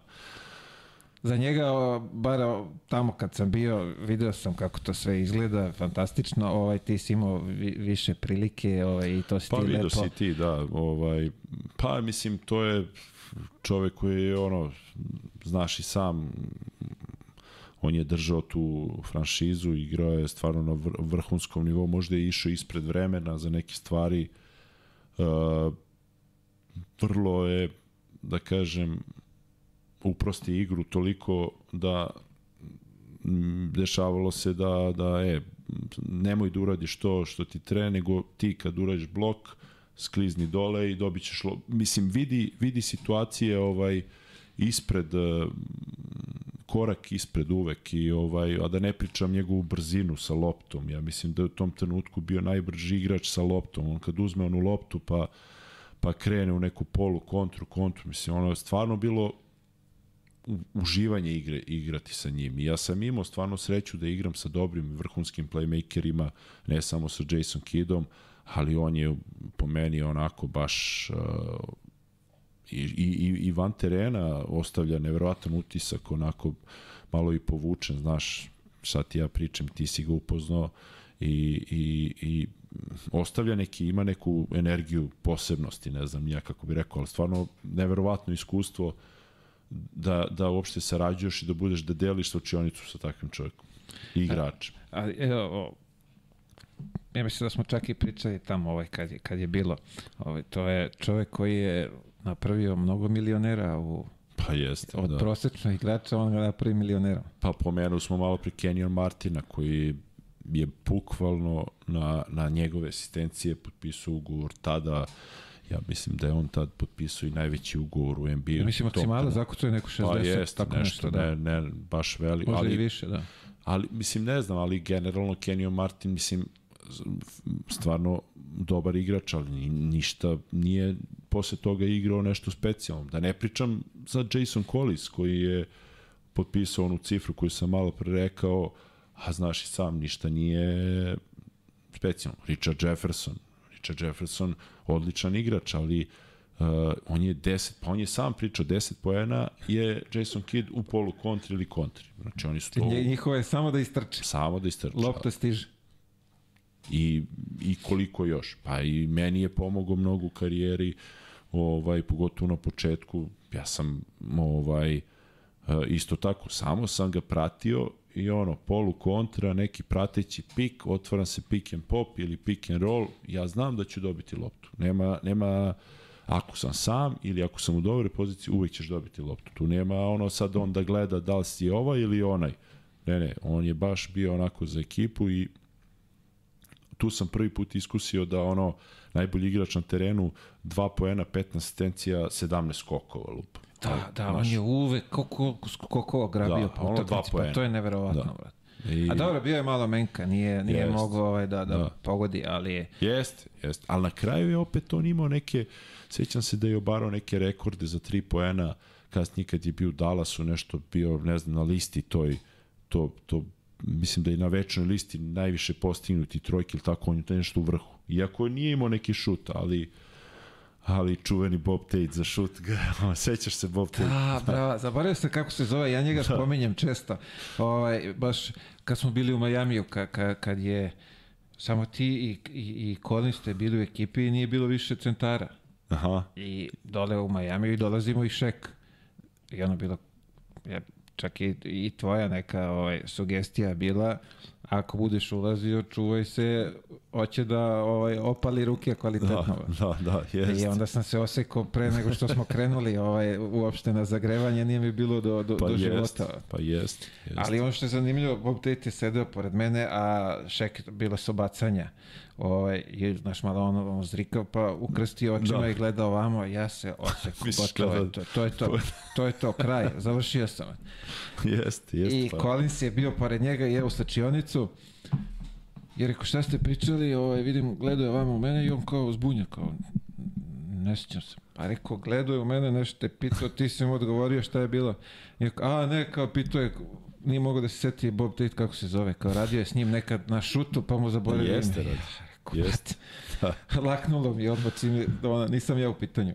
Pa jeste, jeste Bob Tate, to čuveni trener za šut, mislim, to ima isto ovaj, ja mislim da smo u jednom trenutku radili samo ja i Jason Kidd sa njim i on kao ja ne znam šta ja radim loše, neće niko sa mnom da radi, znaš ono, ali dobro, mislim ima i mogu ti, pazio, mogu ti reći da sam ja vreme koje sam proveo tamo radeći sa njim Pa ti si radio, svoj jest, šut. jest.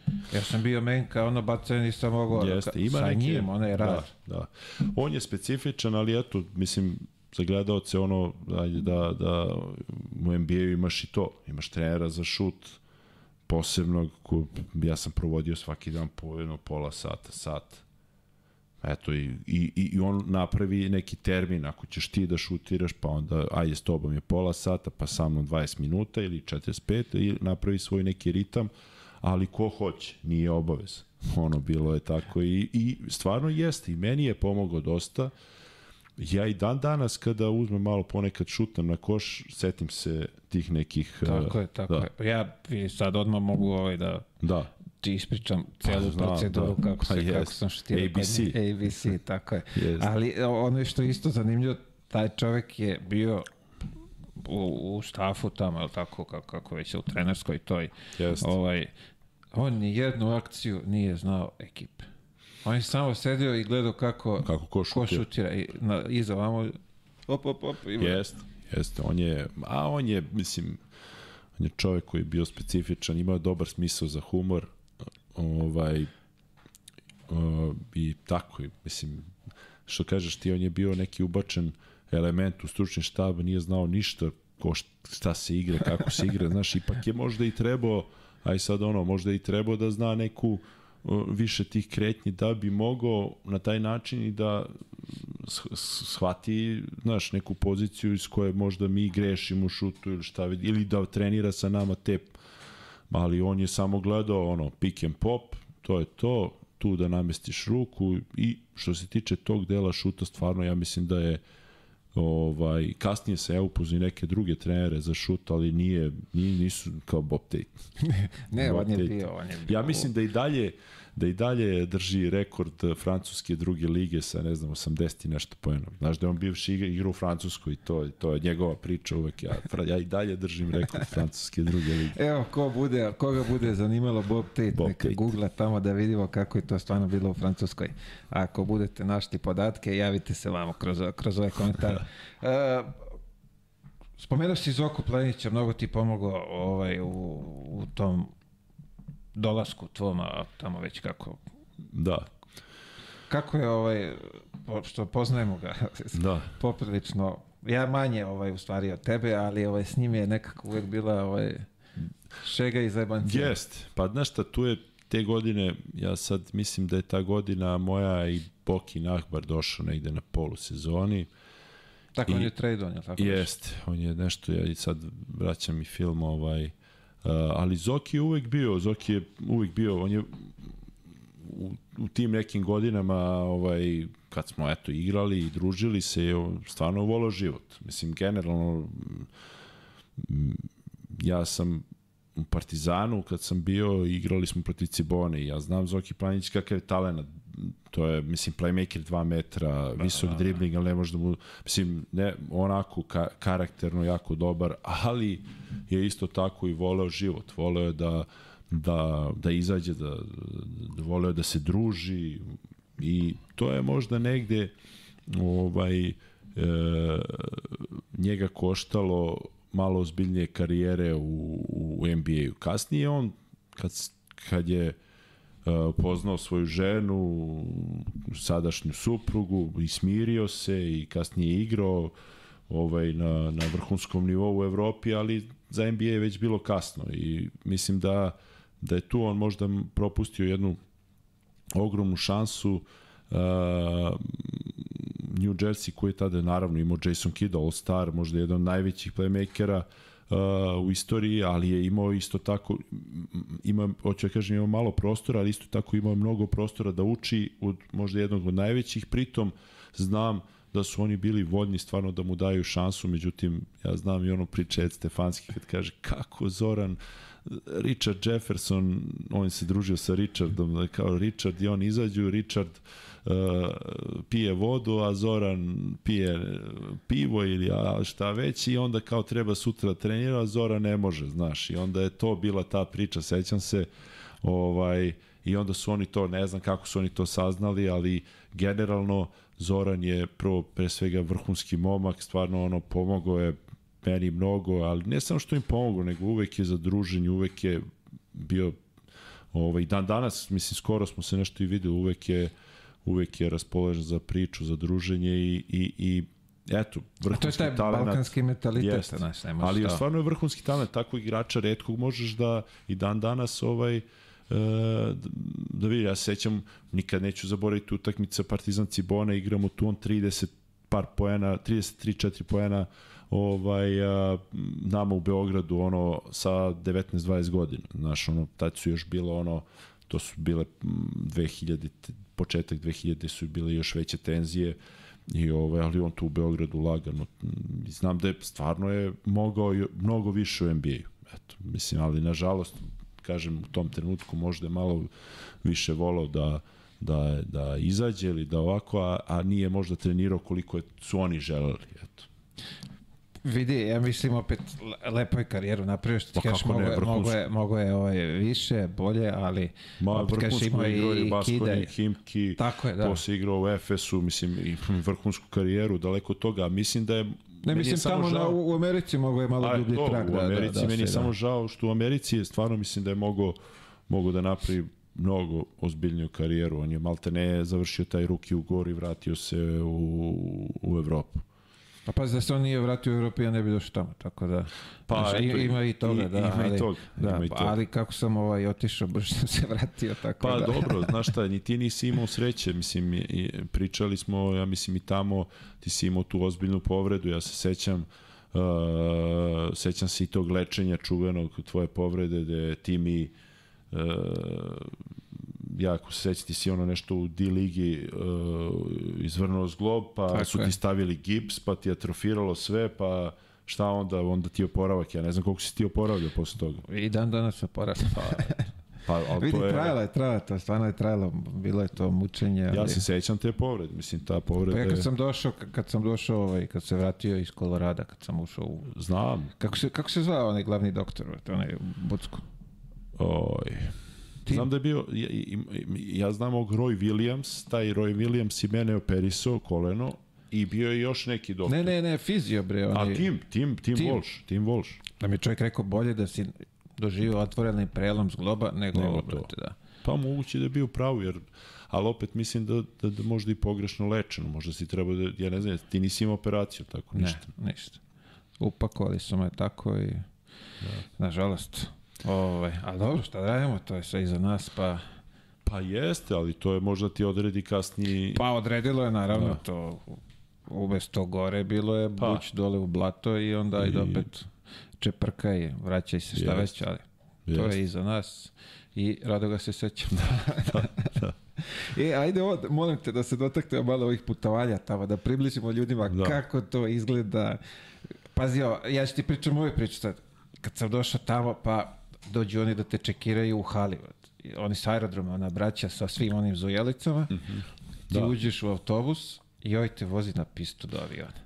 Pa to je, mm, to je, mislim, to, to stvarno sad ljudima da pričamo i to ima nekog smisla, ali to treba doživeti, ovaj, taj uh, luksuz opet putovanja gde ti, ok, ima s jedne strane gde više ne znaš, ja meni se dešavalo da ne znam u kom gradu sam, znaš, ono, igramo na primjer back to back, ja ne znam, probudim se u 4 ujutru u hotelskoj sobi, ono zamračeno, vidim koliko je sati, ali ja ne znam. I onda sam provalio foru da gledam na onim fiksnim telefonima, uvek piše, na primjer, ime hotela i dole Phoenix, na primjer. Ono, I onda, e, kao u Phoenixu sam. Bilo je par tako da, da ne, ne može da se, pogotovo u početku, ovaj, ali generalno bez tog luksu za putovanje i to ja ne znam kako bi ja Uh, pričao sam sa starijim igračem, sećaš se ti, ja mislim Bill Cartwright, što je bio Kako da ne? E, on mi je pričao kad su šampionska generacija, on je sa Jordanom igrao, pričao mi je kako su putovali. Oni su putovali regularno Da, da, ono. i igrali sve ovako kao što je sada. Znači sve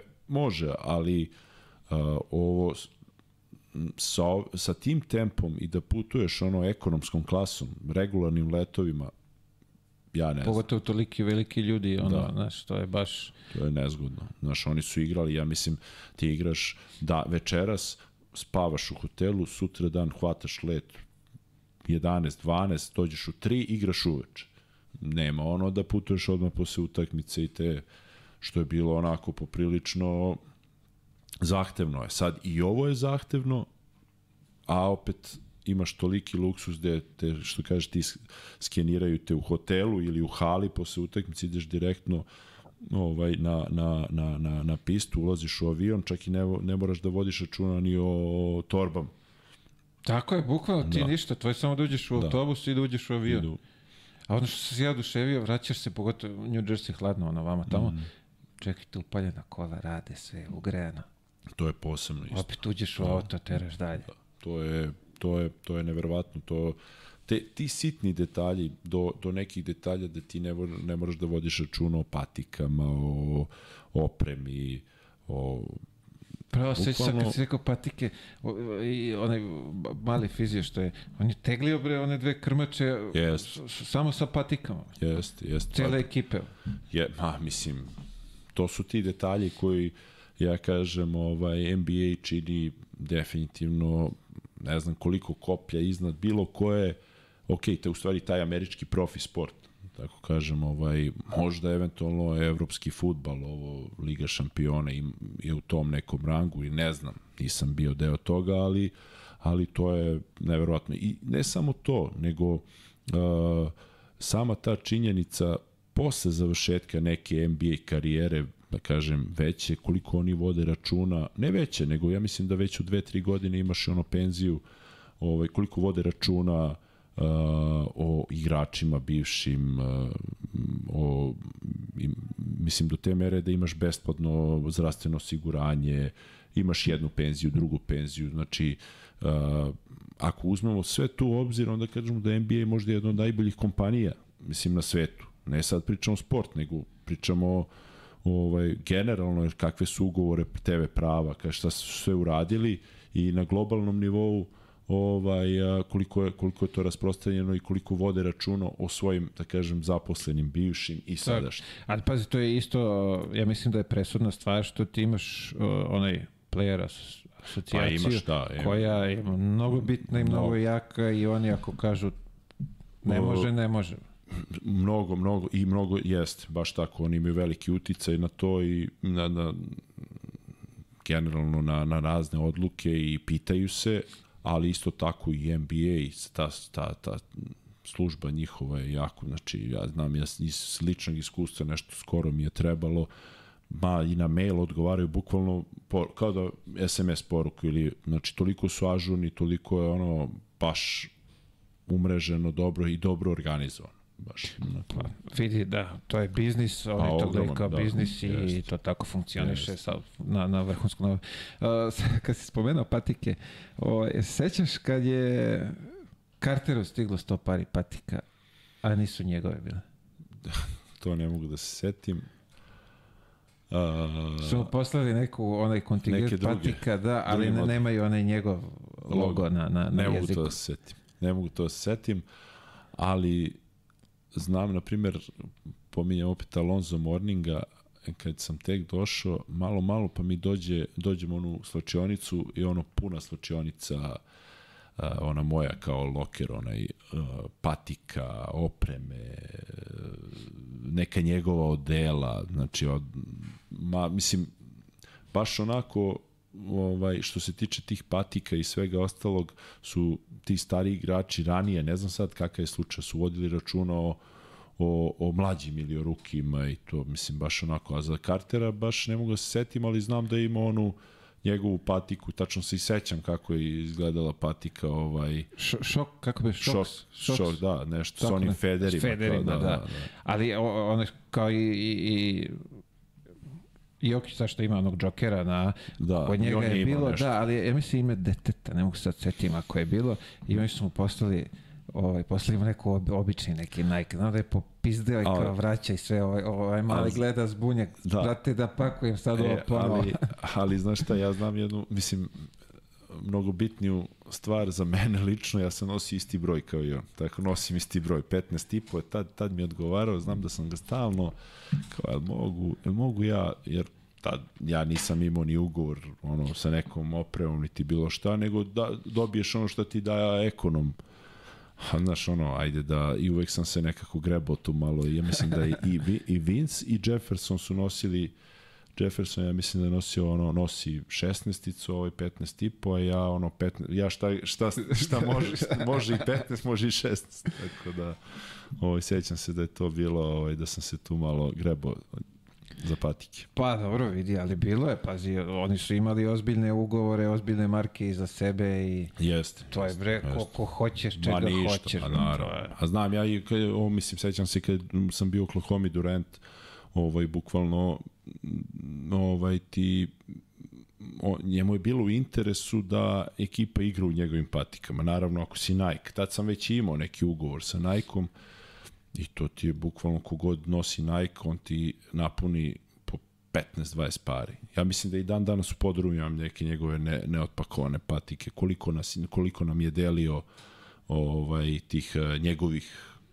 ovaj njegovih baš njegovih Da, patika. da, da, da, da. tako da to je bilo baš onako i dobiješ u broju dobiješ baš u svom broju ne ono sada kao naruči za celu ekipu i ko nosi Nike i mislim da je to baš bio onako malo potez Marketinški, da. da igre cela ekipa i u jednom trenutku stvarno smo svi igrali ko je nosio Nike svi igramo u Durant patikama što To je ni, i nisu loše bile. dobre su, da, da. Dobre, dobre.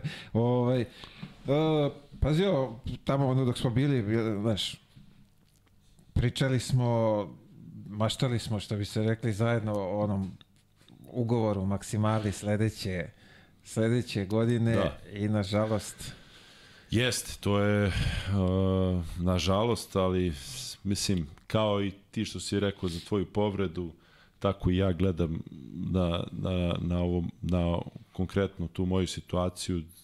Pa ti znaš, ti znaš kako je to sve teklo, manje više uh, desila se i meni ta povreda prednjih ukrštenih gde uh, verovatno da se nisam povredio uh, ne znam koliko se ti sećaš, ali u tom trenutku na istoku se otvarala pozicija čak i za All Star. Povredio se Šek, povredio se Ilgauskas, povredio se Ben Valas. M- Mislim da se još neko va, vareža, neko ko je bio meni Bogut, e, neko je tu bio meni ono kao konkurencija da možda uskočim ja na All Star, ni kriv ni dužan. Mislim, dobro sam igrao, ali bilo je tu boljih igrača u tom trenutku možda i ovaj i to bi sigurno pomoglo i za taj neki ugovor koji su svi pričali da bi trebalo da, da, da potpišem na kraju uh, te sezone, ali eto, desila se ta povreda, mislim, to je baš bilo onako, uh, ja, vo, ja, ja, ja imam, na primjer, sliku, imam sliku, ja često kad mi ono, znaš, nekad u životu bude nešto, ja pogledam tu sliku, jer kao, aj, dobro, šta ima veze, ovaj, ali imam sliku kako sam pokidao prednje, na jednoj strani si ti, a na drugoj, ja mislim, Hasan Adams. ako Tako se je, tako je. Što I bi se rekao, iznosite me sa te iznali s terena, da. Da, da. Imam tu sliku i onako baš, ovaj, baš me to, to mi je neki možda i najbolniji trenutak u karijeri. Ne zbog para koje sam možda propustio u tom trenutku, nego što me vratilo na početak na neki način. I onda je tu kreće neka moja muka dve, tri godine da se vratim na neke nivoje, ali ovaj, ali tu sam propustio godinu dana igranja košarke. Godinu dana u stvari je bio pauza, baš vremenski godinu dana i, i bilo onako možda najteži trenuci u karijeri, ali sve se, znaš, vrati se čovjek i svega, naravno, ovaj, vratiš se, ne ide na, možda je to tako i trebalo da bude, znaš, ovaj, pritom, ne znam koliko, ne, ja se sećam tih svih detalja, se to meni desilo, ta utakmica, igrali smo sa Lakersima, nestalo struje u hali, ja se nešto, sve nešto loše osjećam, treća četvrtina nestane struje, posle minut ja pokidam prednju ukršten, ono nestane svetlo, neko da li je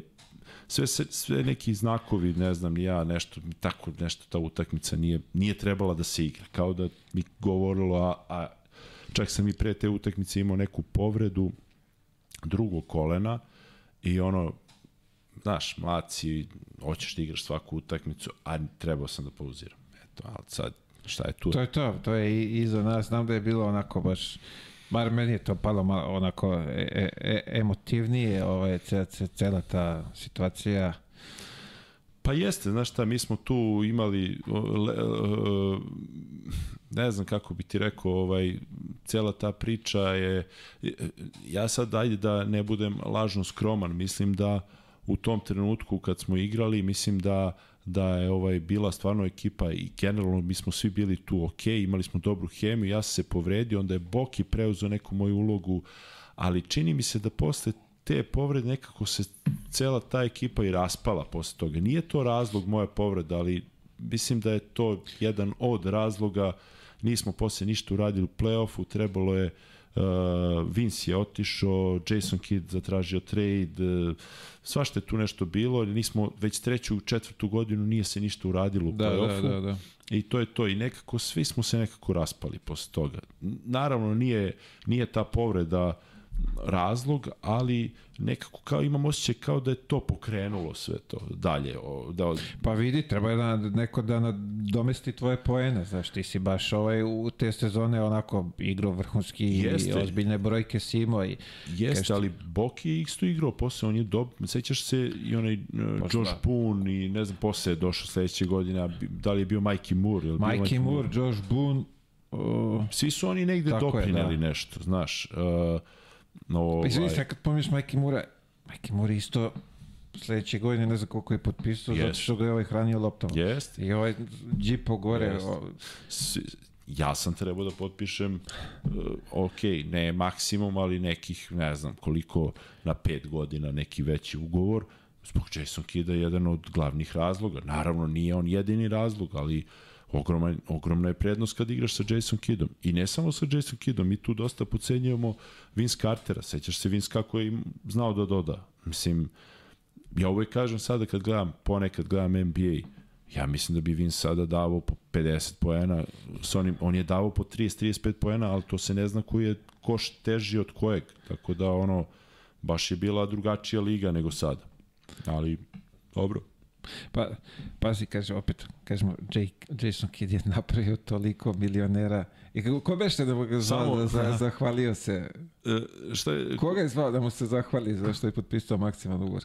pa ne znam, možda, možda čak i, ne znam, Kenyon, je li tako? možda Kenyon, da. Možda I on Kenyon. nešto potpisao Boga oca i zvao je Da, hvala ti, čak mislim da, da, da mu se Kenyon i zahvalio i javno ovako putem medija, ali ovaj, a mislim to je bilo, to, to su svi igrači po ligi pričali, ono, pa mislim u suštini uh, New Jersey, i, uh, ti znaš isto verovatno, New Jersey pre dolaska Jason Kida je bio ono, Šta, kanta ništa. za, za, I na, nije, nabijanje. bio, nije uopšte bio privlačan za, za igrače da dolaze da igraju. Kad je došao Jason Kidd i kad su napravili par nekih tih draftova dobrih, ovaj, ljudi su želi, igrači su želeli da dolaze da igraju za, u, New, u New Jersey baš iz razloga da igraju sa Jason Kiddom i Vince Carterom. Tako da to je bilo, on je bio magnet za, za sve, i za sponzore, i za Da, apsolutno da, sve. pa to je to, to. Je biznis i jedna stvar povlači jest. drugu i onda se Jest. to ovaj, hvata neki točak se pokreće. Jest.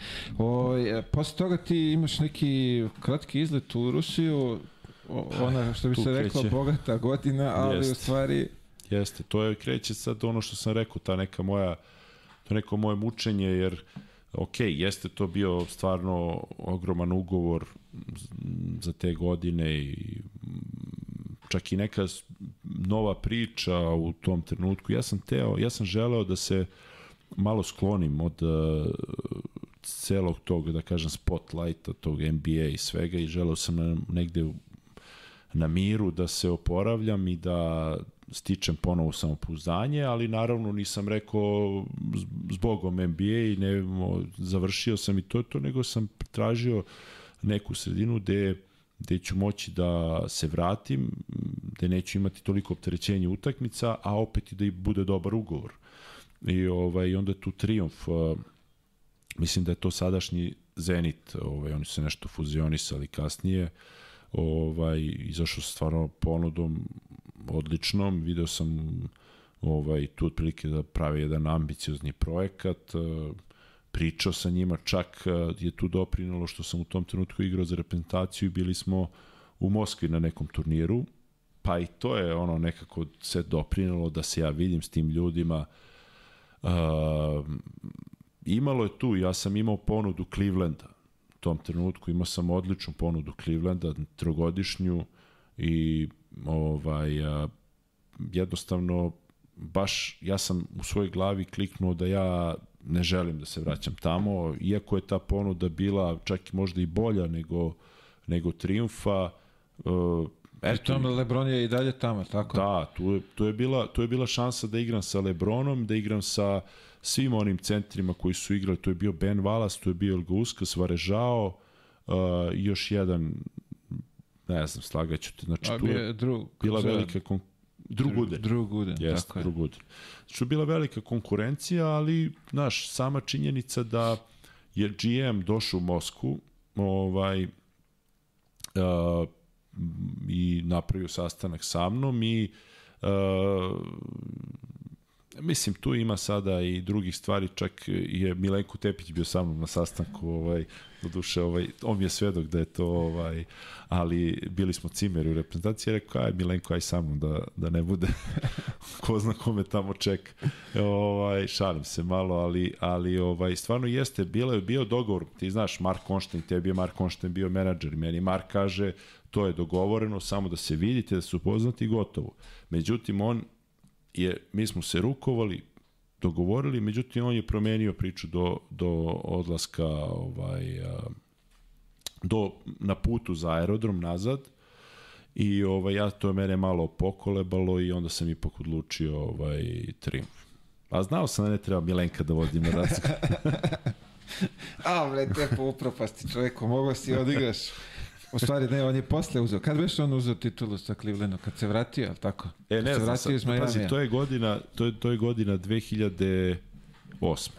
Osma godina, leto, sad ja ne znam kad je on, on je kasnije, kasnije. Kasnije po povratku iz Majamija, da, ali bez vidi da si otišao tamo, Ali igrali su finala tu nešto, bili su u vrhu. Vidi, on je projektovan za finale. i To Jeste, je, jeste. što rekao Sale Pavlović, gureli su nas Jeste. non stop u finale Jeste. da bi on bio tamo. Pa jest, jest. Tako, Tako je, da- on koliko je finala samo igrao. Ovaj, tako da bi verovatno ja u te tri godine koliko je bio zakačio neko finale. Ali kažem ti, u tom, tom trenutku mi je tako glava bila ovaj podešena da ja nisam imao problem da odbijem tako neku, neku ponudu. Verovatno sad, mislim, nije realno sad, ali sa ovakvom pameću uvek bi Prihvati. prihvatio. Da li je to pamet ili iskustvo ili šta već. Ha, dobro, vidi. Ili naknadna pamet. to je to, toga. što kažu ovi pihtije dolaze s godinama. tako Jeste, da- a naravno. Ovaj, ali vidi, ti opet vraćaš se u Pa sve ima, da. Da, vraćaš se tamo i zatičeš tri ova vrhunska... Je li bio Harden tamo Jest, dolazi ne, posle? Harden je došao sledeće godine. Sledeće. Ja sam došao tamo na polusezoni, ta 2008-9, Harden dolazi 9-10, ali zatičem Westbrooka i Durenta. I tu su bili, ajde, i Jeff Green, koji je bio onako mlad igrač koji da, i dalje igra sa Jokićem, ja mislim i da u Denveru, ovaj, ali on je bio tada isto onako projektovan, nije ostvario te visine, ali projektovan kao je All-Star i šta već. I ovaj, a, tako da to je bila jedna mlada, ambiciozna ekipa koja nema puno pobeda u tom trenutku, ali mi već sledeće godine imamo 50 plus pobeda i ono, igramo playoff i tako dalje, tako da to je isto bila dobra priča, ali hoću da kažem, ovaj, odbijajući Cleveland, uh, znaš, ono, ko zna zašto je to dobro, dolazi ti kasnije i bolji ugovor, uh, a opet da nisam otišao u Triumf, ne bi znao šta je tamo, sve, sve ima svoje. Tako kraju. je, tako je, da, da, tako da. Kako izgleda sad, uh, na kraju se ispostavilo ova trojica najbolji skoreri, šta već, triple doublovi čuda. Pa je, to, to, da, oni su kasnije bili, ja sam već i otišao, ovaj, oni su, ja mislim, 14. 15. ili 13. 14. 16. su bili ono, u četiri godine tri MVP-a su bili Westbrook, Harden i Durant regularne sezone i to je onako ogromne zasluge tu idu definitivno Sam Prestiju koji je dan danas GM a, i predsednik a, kluba i a, on je neki izdanak a, San Antonio škole Aha, ovaj aha. gde, gde ono mm, ništa ne prepuštaju slučaju uh, i onako baš detaljno ulaze u planove za draft i dosta baziraju neke planove na draftu pravljenju tima, draftu. Evo sad možemo da vidimo i ova ekipa Oklahoma je vrlo interesantna, ova sadašnja sad što igraju.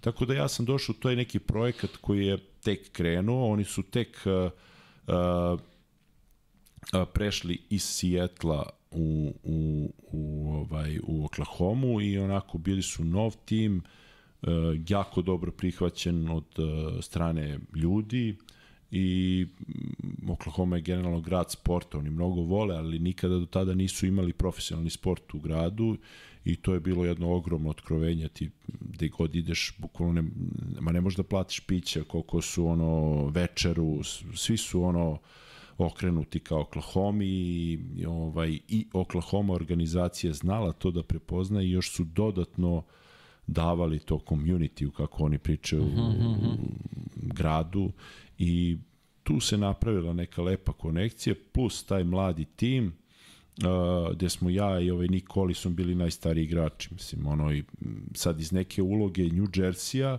gde sam bio ono mlad i u veteranskoj ekipi sad vrlo brzo prelazim u situaciju gde sam jedan od starijih igrača koji sad treba kao da bude mentor tim mladim igračima koji su već ono dostigli, Durant je već all star tu, znaš, nije ono kao, tako da uh, bilo je jako interesantno te prve godine, druge godine, ono što sam pomenuo, igrali smo playoff, na jednu loptu smo izgubili Lakersa koji su kasnije osvojili titulu, Uh, e, onda treće sezone sam ja tradovan dalje, ali nisam dočekao da igram Uh, oni su te treće godine ili četvrte, ovaj, to je te sledeće sezone igrali finale NBA, ali to je i projektovano tako da za pet godina probaju da uzmu prst. Na kraju su izgubili, ja mislim, od Dallasa 4-1, 4-2, ali su bili jako blizu.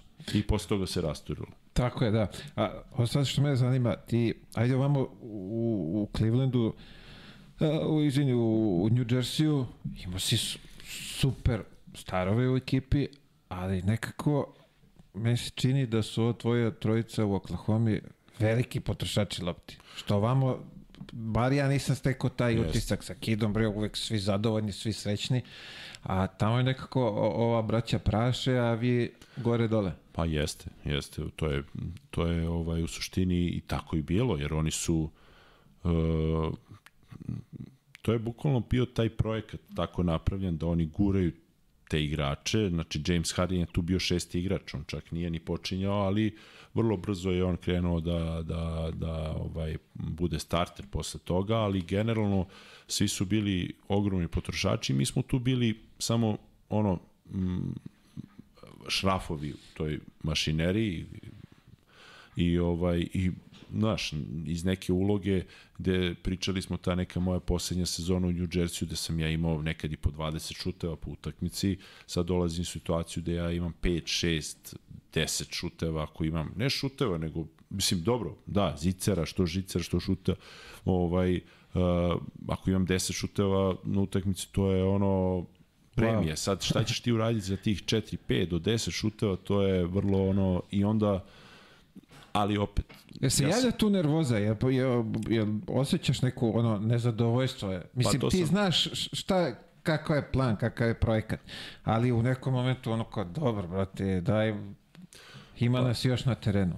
Pa, ma, sigurno, to ko kaže, ovaj, to je normalno, ja mislim, to je prirodno ovaj, da ti osjećaš da možeš više i da možeš bo, vi, i više šutevi, da imaš veću ulogu i to je normalno, ali u jednom trenutku sam i ja navikao na tu ulogu i nekako sam uh, se nervirao samo iz razloga što nisam želeo da postanem takav igrač. Znaš, ja sam nekako uvek težio da imam loptu u rukama, uh, aj, kažemo, počešće tih poslednjih godina u Partizanu, pa New Jersey, pa reprezentacija što se preklapa, uvek sam imao neku ulogu uh, ovaj, da kažem, i volao sam da imam loptu, makar da je pipnem svaki napad, ono, ovaj, dolazim u situaciju gde malte ne praviš blokove i zavisiš od Veresije, Durenta, Westbrooka, ako i, ide neko udvajanje, on ti svaku treću gurne ili tako nešto. Ili ako promaši pa... Pa ili na obruču da je hvataš gore. Tako da to je, to je nešto što više me to nerviralo jer nisam želeo, ja sam tad imao 26, 7, 8 godina, nisam želeo da do kraja karijere tako igram. I onda je to i kasnije jedan od razloga zašto se vratio u Evropu. Ovaj, ali mislim sigurno da da u nekom trenutku ima igrača naravno koji su možda je meni bilo pametnije da sam se pomirio sa tim i da sam ovaj tako igrao i super verovatno bi duže i trajao i šta već. Ostao bi tamo, penzionisao bi se. Pa igrao bi 10 plus da. sezona i to i baš me briga ali ja nisam se mirio sa tim, ja nisam želeo takvu ulogu i to je mene najviše nerviralo. Pa dobro, ali pazi sad, ti, ti tebe traduju u veliki Boston. Dolaziš tamo. Da. Ono što, što pa smo gledali je... na TV-u, sve te e. sačekalo na, na, na jedno mesto. To ti ono, da, to je ono, ne, mislim, pazi, sve do tada je bilo, ok, NBA, pričali smo Jason Kidd, ovo, ali ovo dolazi šta da u tom trenutku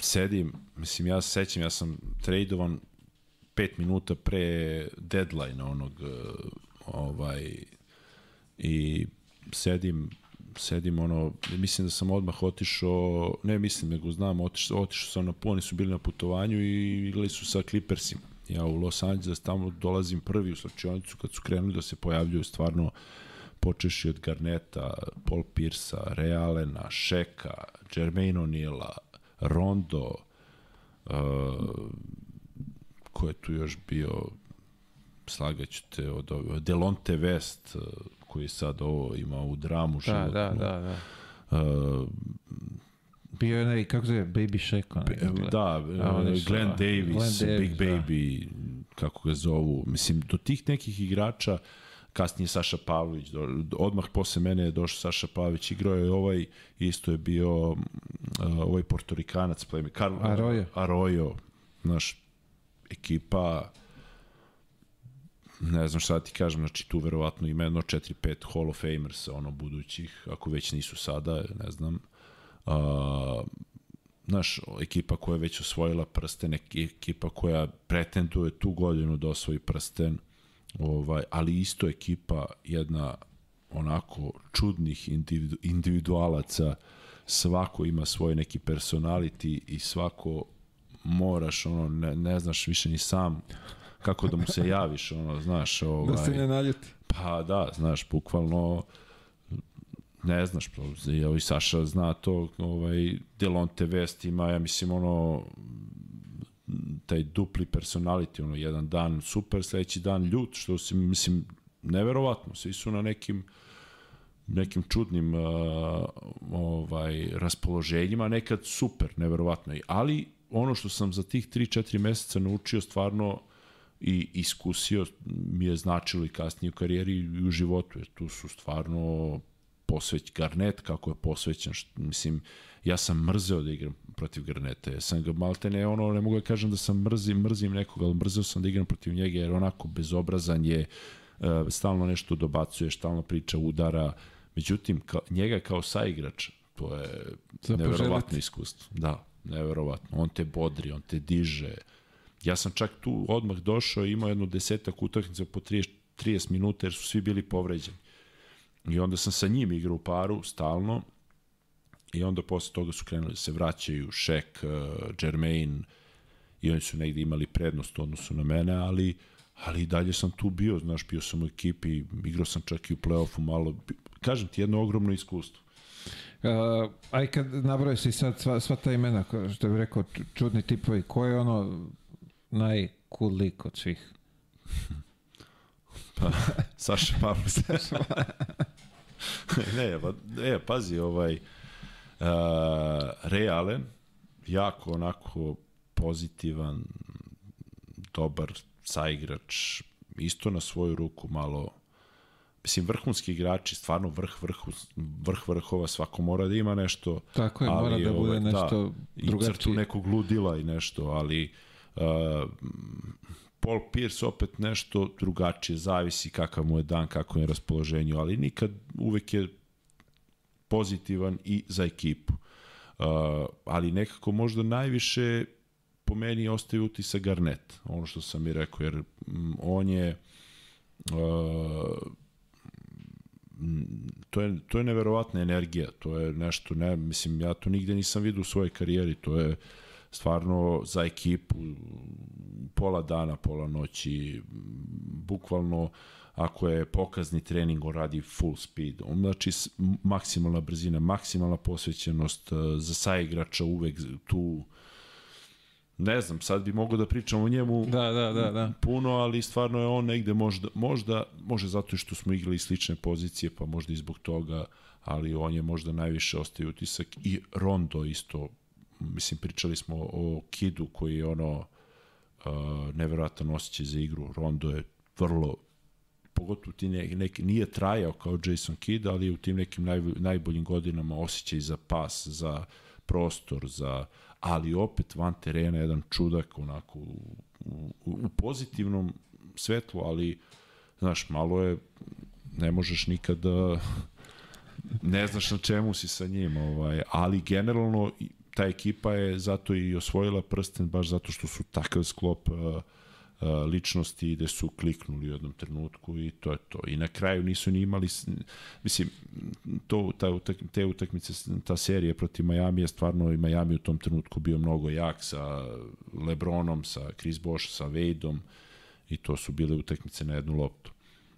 A opet, ispostavilo se došli u, u ekipu koja je projektovana za titulu i Da. naletite na ove koji su Pa jeste, e, znaš šta je problem bio s Bostonom, što u tom trenutku oni su napravili neke, e, eto i taj trade e, sa mnom i posle su doveli Carlosa Roja i doveli su Sašu i Troy Murphy je došao, isto jedan igrač Belac koji inače bi igrao i All-Star bio u Indijani i tako, mislim, onako dobar igrač timski, ali su doveli dosta igrača pred neke mnogo da kažem, jako bitne tih, taj playoff push, kako oni zovu tih poslednjih 30 utakmica u sezoni, a, a iz ekipe je otišao Perkins, koji, centar, koji je a, njega su svi igrači su ga gotivili, znaš, i onda je mhm, tu -hmm. nastao problem uh, uh, igrači su se malo distancirali od,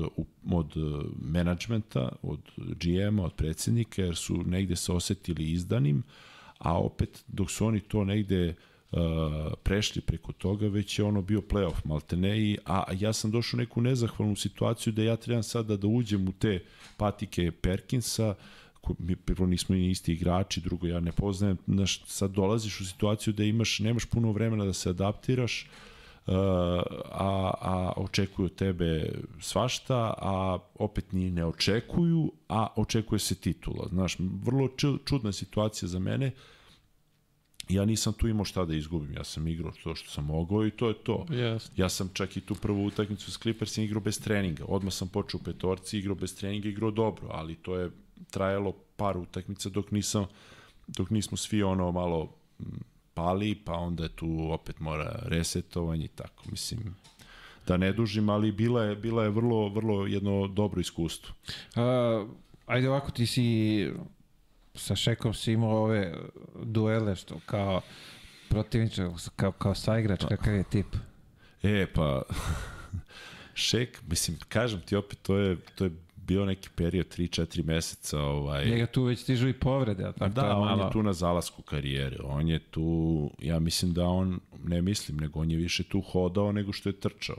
Znaš, on je, ovaj, ali ne znam, znaš, Šek je vrlo interesantan, onako, dobar smisao za humor, mislim, vrlo, vrlo interesantan lik i, i, i ali sa njim nemaš tu ti neki odnos, on je, čak sam ja ovaj uh, imao tu, igrali smo jedan na jedan, on se, kažem, vraćao se od povrede, pa ajde ja kao da mu izađem u sused, da igramo posle treninga, da on malo uđe u ritam i sve ostalo.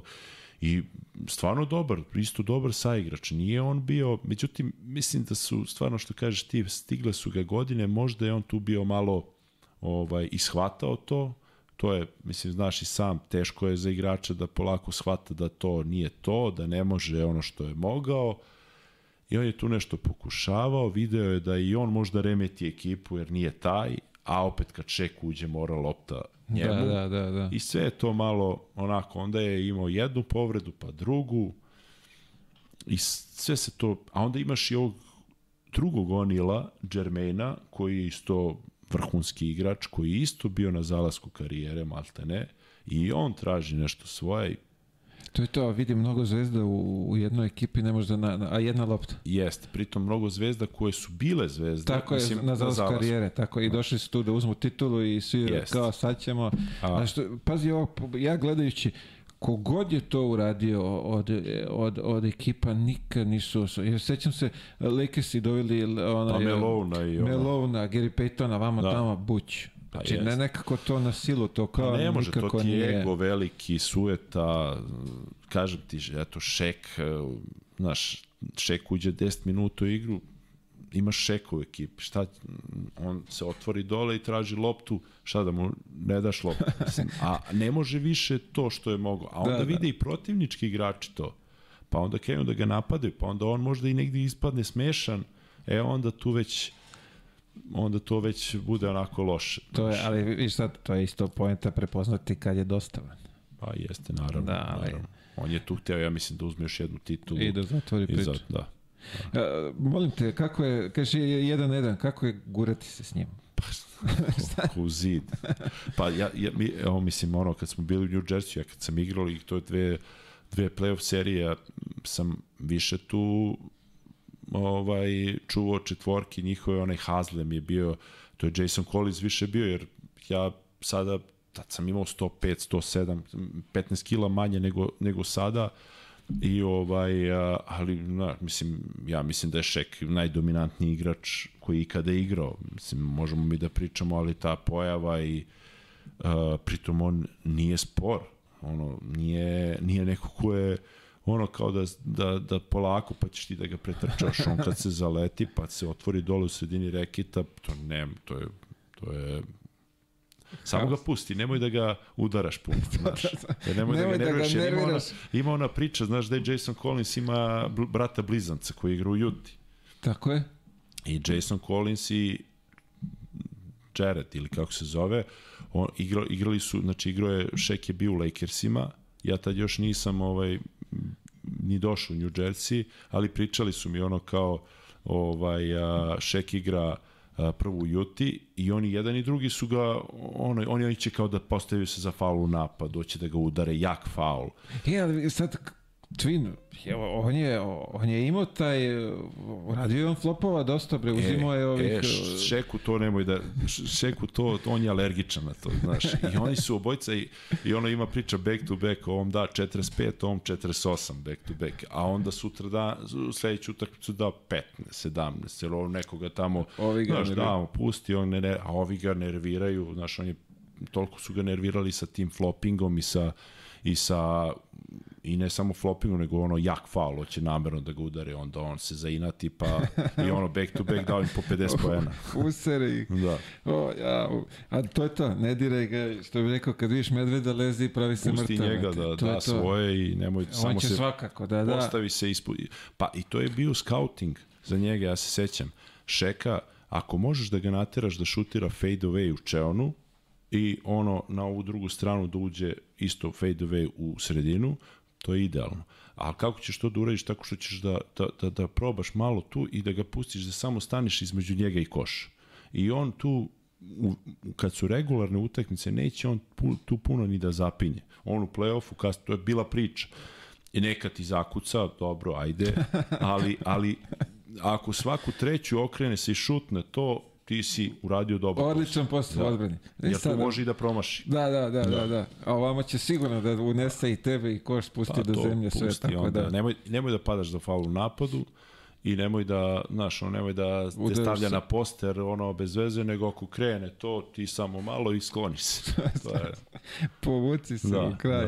Da. A, majko, Vila. E, posle toga, Moskva, Jest, odlazak, da to je taj razlog da tražiš, uh, što si sami rekao, ovaj, da, pa, da imaš je, ulogu Da imam u ulogu, jest. Ja sam tražio ekipu, uh, tražio, nisam tražio, ja sam gledao ponude koje imam i šta imam i u tom trenutku CSKA je bio najkonkretniji, ali ono što se meni svidelo, CSKA tad, je tad bio u nekom uh, stvaranju novog tima i ovaj i nekog tima koji bi trebalo da pretenduje na osvajanje Evrolige. I meni se to dopalo jer ne samo da moja uloga nego sam gledao i neku ekipu gde bi mogao da, da, da i osvojim nešto. I ovaj i CSKA mi je bio nekako logičan izbor jer nisam imao sam ja tu još par par ponuda uh, išlo mi je na ruku za CSKA to što je u tom trenutku bio i lockout u NBA-u i onda mhm, nije mhm, bilo, mhm. nije bilo, nije se znalo, pričali su da će trajati po celu sezonu ili tako nešto. I ovaj i tako sam odlučio CSKA, znaš, i ovaj i onda stvarno CSKA je napravio dobru ekipu. Tako. Ja, je li Teo bio tad već tamo ili uh, Teo je došao je Teo je došao odmah posle mislim te, te godine je došao, ali aha, aha. znam da, da smo malte ne potpisali u sedam dana. Da, reko nije, da, da što sam htio, reko, da li je lobirao za, za tebe? E, e, ne, ja sam, o, moram i ovako javno da kažem, ja sam lobirao za njega, ali stvarno jeste tako bilo, jer uh, u tom trenutku je uh, ovaj uh, uh, trener bio Kazlauskas i on je onako stara škola trenerska, uh, gde mu je bilo bitno da potpiše peticu i Play. playmaker, da. I to mu je bilo bitno. I sad ispostavilo se, nije mu bilo bitno da li kec ili pet, ali mu je bitno te dve pozicije da potpiše i to mu bazira igru uh mhm, -huh, na, ta, uh mhm, -huh. na te mhm. dve pozicije. I sad, eto, ispostavilo se da sam, da sam ja potpisao, jer sam ja završio sezonu vrlo brzo, mislim u odnosu na Euroligu i na, na, na to i onda sam uh, baš sedeo sa njim i on mene bukvalno pita šta ti misliš za playmakere, uh, ko bi tu, s kim bi ti mogao da sarađuješ, šta, kako, mislim, ja, mislim, bio sam njihovo prvo pojačanje i nešto što su planirali mene da budem jedan od nosilaca igre. I ja rekao, pa Miloš Teodosić, znaš, pa on ima ugovor, on on ne znam koliko je posvećen košarci, ja rekao pa ne, on, mislim, i, i de, posle toga on je rekao mi imamo još par nekih izbora, ali eto, posle desetak dana oni su čak i platili obešćenje Olimpijakosu i i Teo je potpisao jedan dobar ugovor sa CSKA, tako da još čekam da me ovaj Čekaš proviziju, čekaš da, proviziju. Da. Ajde vidi sad možda, pazi on, ne znam kakav mu je sad ovaj, ja, ja zajebam ovde da verovatno je uzeo zastupništvo kafe za, za, za, za Balkan. A, ko? Od sa, ove Sagrafeda, kako se zove A, to, tamo. Da, da, pa da, Tako pa da. da. Pa ko zna, ne znam. Kako ne znamo kakvi su da, dilovi da, u pitanju. Da, da, da. Ovaj, mogo bi malo da, da odvoji pa, za to. Pa dobro, jeste. Ta, jest. ovaj, tranzicija tvoja, aj kažem opet nazad u Evropu. Tamo Pa je mi- gde ono da. bilo sve cakom pakom dolaziš. Mislim, CSKA jeste, što Jest. bi se reklo, Najbliže nešto. tako je da, ali Uh, pa bila je okej tranzicija zato što ovaj uh, stvarno CSKA što se tiče organizacije vrhunski.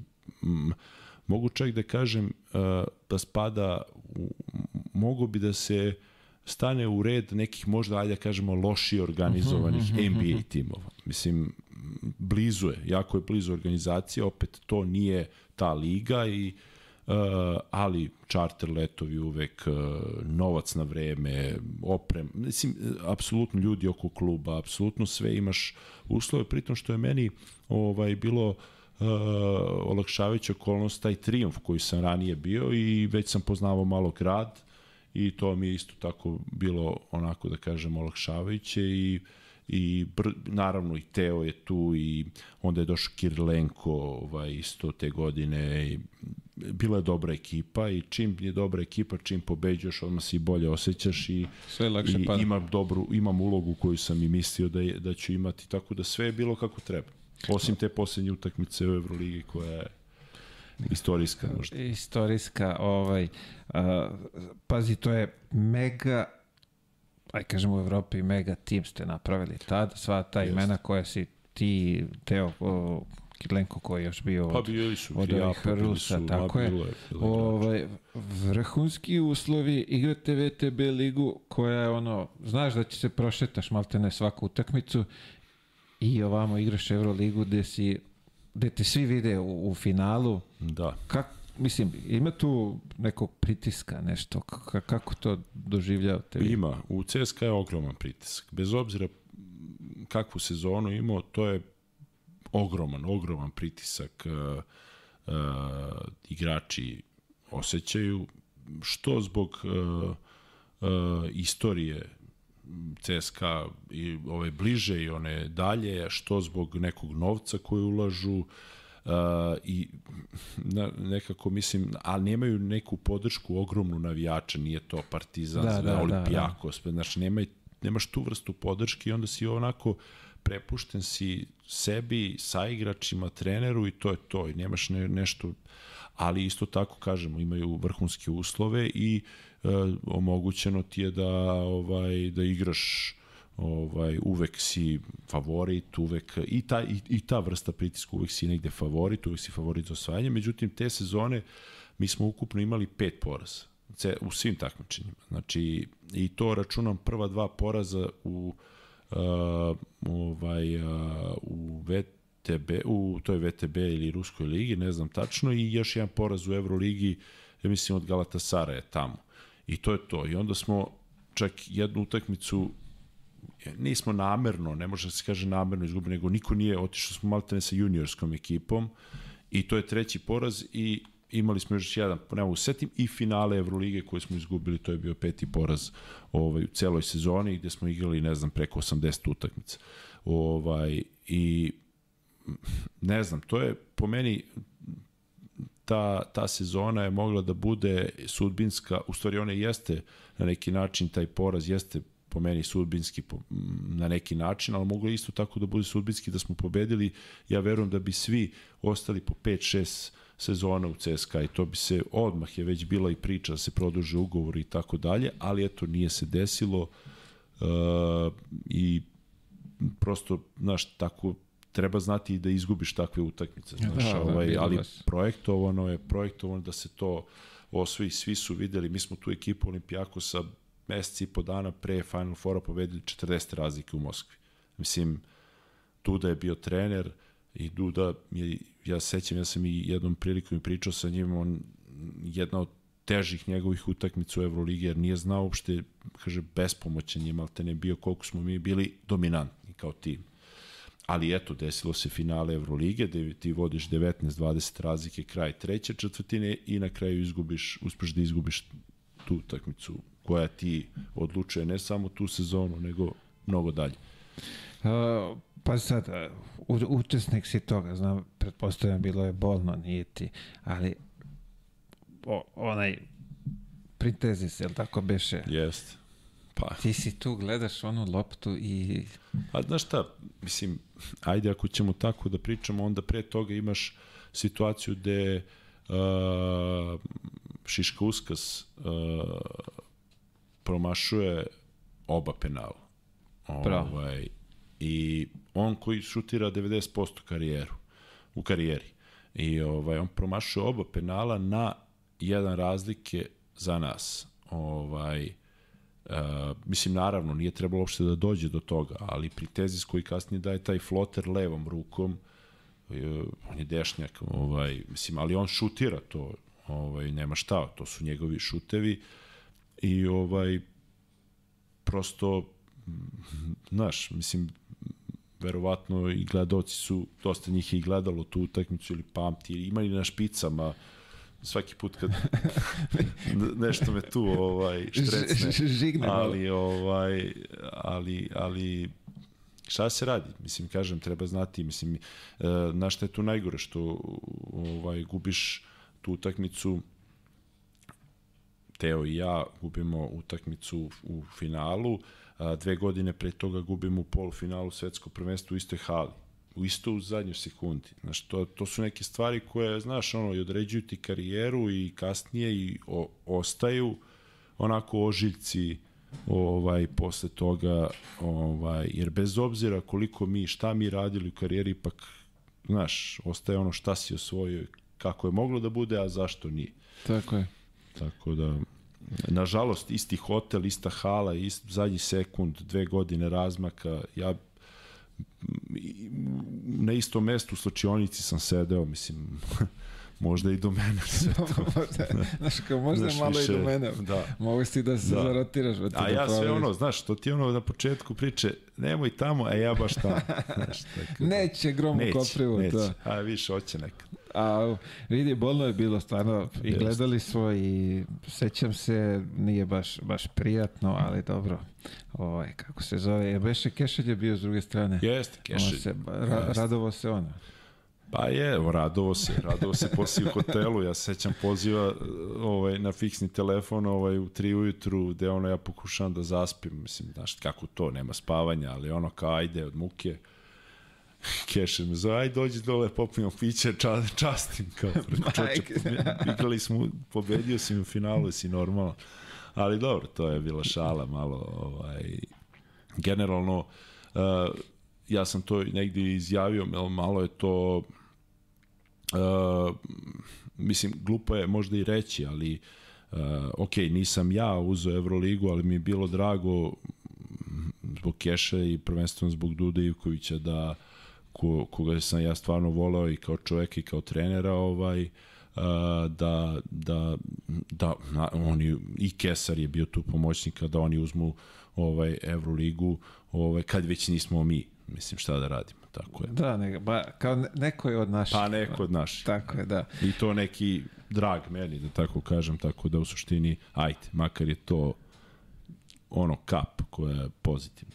O, ti posle toga kod Dude prolaziš u Efes, ali tako je? Tako je, tako je, kod Ude, ovaj, e, novi pohod na Euroligu. Jest, jest, ali tu je baš onako bilo, to je bila dobra priča, stvarno i Duda je bio pun energije, imao je viziju kao i uvek i ovaj, iskren da budem glavni razlog je tu, ok, Efes jeste mislim, sad ovaj Efes i tada nije isto, jer sada ovaj Efes sa dve Evrolige nije isto tada, ali ali tada je bio isto vrhunski tim sa odličnom istorijom, sa odličnim bivšim tadašnjim igračima i ovaj ali glavni razlog prelaska je Duda i tu sam ja tu sam ja ovaj stvarno nije mi trebalo 5 minuta da razmislim o tome i ovaj i ali nažalost te to je bilo projektovano da opet da drugu godinu, prvu godinu ajde stvaramo ekipu, da vidimo ko, šta,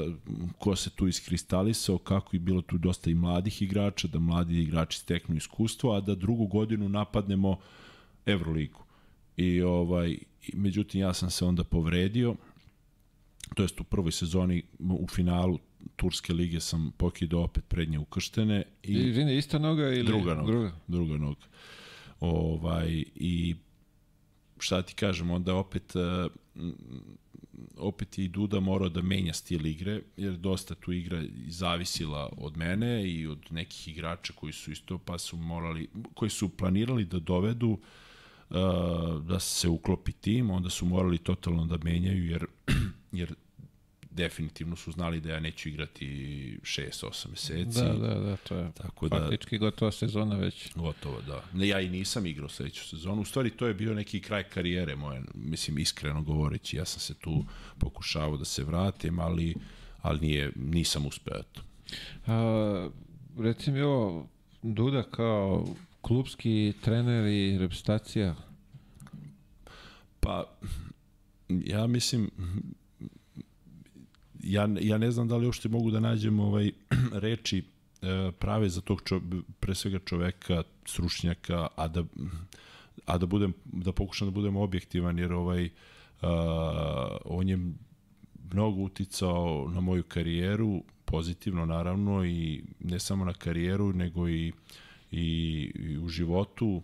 Dosta sam imao vremena da pričam sa njim dosta sam imao dosta sam vremena proveo sa njim. Ja sam u reprezentaciji bio 6-7 godina ovaj i kapiten ovaj on, on mi je na neki način i, i, i on me i postavio za kapitena ali to je mislim to nije toliko ni bitno. Mislim da da mi nismo svesni verovatno još uvek uh, svi koliko ko je bio Duda Ivković i i eto kad je kad je on otišao ja mislim da je ostala jedna velika jedan, jedan veliki jedna velika praznina u, u, ne samo u struci nego u, u nekom, da kažem, čoveku koji je uh, se vraća više toliko puta da, da, da pomaže uh, našu košarku što kao selektor, što mislim nemerljivo je to, stvarno jako teško je, a opet da se vratim na ono pitanje uh, kao u klubu ili pa nema puno razlike. Jednom kad naučiš da radiš sa Dudom, ovaj taj njegov sistem reprezentacije kraći period i mnogo brže se to sve dešava, ali u klubu je sve malte ne isto vrlo planski sve radi i u reprezentaciji on isto planski radio. Uh, ja se sećam od 2009. kad smo uh, ušli u finale, on je, on, on je bio naravno srećan i rekao mnogo brzo se sve desilo. Smo bili, bili najmlađa ekipa i on je nije želeo da mi, mi on je samo želeo da uđemo u čet finale pa da se to polako, da wow. olimpijske igre budu vrhunac te selekcije. Da, Na kraju da, da. se desilo da mi nismo ni igrali olimpijske igre, da smo igrali finale uh, evropskog polufinale svetskog uh, i onda je bilo evropskog gde smo ispali u četvrfinalu nesrećno malo i nismo otišli na olimpijske igre. Znači, malo se zarotiralo, a njemu je bilo u stvari cilj evropsko i, i, i, i olimpijske da budemo tu u vrhu. Tako, ali šta da radimo, ne možeš uvek onako kako... Pazi ti, projekciju njegovu, znači ne sad, pa, nego da. ajde ovde ćemo, pa Pa ja da, sam, na primjer... Gađamo evo, četvrtu godinu. Jeste, ali imaš i ono uh, uh, 2013. godina, Evropsku Sloveniji. Uh, mi prvi smo u grupi, prvi smo u onoj drugoj grupi koja je za, za četiri finale, pobedili smo Litvaniju, pobedili smo Francusku sa Tony Parkerom, pobedili smo ne znam koga sve, igramo dobro. U četiri finalu idemo na Španiju, koja je vrhunska, ali znaš, mi se palimo da možemo da pobedimo. Mislim, sad smo mi dobili samopouzdanje. I Dudin govor u slačionici, ja to nikad neću zaboraviti. Mi sada imamo tri meč lopte da se plasiramo na svetsko sledeće godine. Ja sad, kako tri, šta tri, izgubim mi od Španije, ono, pobede nas, ne znam, 20-30 razlike. Uh, tu da kaže sledeća utakmica protiv Slovenije domaćina, e sad imamo još dve meč lopte. Znaš, jer nje, o njemu je, šta je u suštini super, ako mi, oteo da nas rastereti pod jedan, a pod dva stavljao nam je jasno cilj, da je kontinuitet igre na velikim takmičenjima prvi cilj, a sve ostalo je plus. I onda kad smo izgubili Spani, špa, od uh, Slovenije, kažemo još jednu meč loptu, to je bila Italija, sad nema nazad, sad mora pobediti. Pobedili smo tu i kasnije smo otišli na svetsko sa Saletom Đorđevićem ušli u final. Ovaj, ali to je ono, mislim, to je Duda, on je to gledao malo šire, ovaj, i, i, i mislim, ja tek možda sad shvatam te neke stvari. To je to, ja mislim da, kako beše, Mačan kad je bio ovde isto sa Dule, što mu je mm -hmm. nešto govorio, kaže, ono, okej, okay, čuo da. sam šta mi je rekao, kaže, a tek sad razumem poentu toga što pa mi je rekao pre lupa 5, 6, 7 godina kad već. Pa jeste. Da. Tako da, znaš, verovatno ono, moraš malo i da sazriš, pa, da prođe neko mor, vreme, mor, da, da mor. bi ti ukapirao da, šta je, šta je što bi se rekao pesnik teo da kaže da, u, tom, da. u tom momentu. Uh, kakav je tvoj osjećaj igranja za reprezentaciju? Koliko to tebi, aj kažemo, vidi, značilo je mnogo, kapiten si sve, ali ono, kako to pa, iznutra? Meni je značilo to puno, stvarno, ovaj, pogotovo tih godina kad sam bio kapiten i kad se stvarala neka nova ekipa, ovaj, mislim, ja sam to sve nekako i shvatao lično i, uh, i, i, i taj poziv, sve mi je to nekako bilo onako uh, pun, uh, ne znam kako bi ti rekao, pun motiva i svega. Uvek sam dolazio, čak sam igrao mnogo puta povređen ovaj uh, stalno stalno ja, ja, ja mislim da sam jedino leto koje nisam bio povređen 2013 to, to baš u Sloveniji da sam bio potpuno zdrav i da sam odradio od prvog do poslednjeg treninga, ovo stalno sam nešto propuštao, ovaj, ali nikad nisam gubio želju i, i motiv za igranje i ovaj i verovatno to negde mene i koštalo na kraju i nekog uh, trajanja. Verovatno te 2014. sam igrao, nisam trenirao cele pripreme, pa sam samo odigrao prvenstvo. To beše zglob u pitanju, tako? Kolen. Kolen. Kolen. A bilo je i zglob 2012. sam bio u gipsu, malte ne ono, Uh, skinuo sam gips 7 dana pre početka, to su bile kvalifikacije, ali sam nešto kao igrao, pa ali ovo 2014. koleno, onda mi onda mislim, znaš kako to ide, štediš uh, jednu nogu i pokidam prednje ukrštene da. na kraju sezone do duša, ali nikad ja tu povredu nisam zalečio tog mišića oko kolena, kvadricepsa, tako da to je verovatno i doprinelo da sam ja kao ovi mladi sad što koriste ovo, ova leta za, za, za oporavak, da sam ja možda oporavljao se, možda bi možda bi još igrao. Znaš, ono, ko zna. A to je to, pazi, ali opet uh, koliko sve ovo i, i napreduje i oporavak od pre 10 godina nije isti kao nije, što je danas, znaš, nije, to je... Jes, slažem se, mislim, nema šta, ali dobro. Da je trebalo nešto verovatno propustiti, trebalo je... Ma, dobro, pazi, ništa, ništa ne bi ja tu menjao. Znaš, ovaj, sve, sve, ovaj, sve onako kako sam negde. Naravno, uvek može bolje, uvek može, ali ništa ja tu ne bi dirao, stvarno mislim da je da ovaj uh, igrao sam, zadovoljan sam svojoj karijerom, moglo je kažem bolje, imao sam uspona padova koji u životu, koji sve normalno, da. šta sad, svi to imamo. Jasno.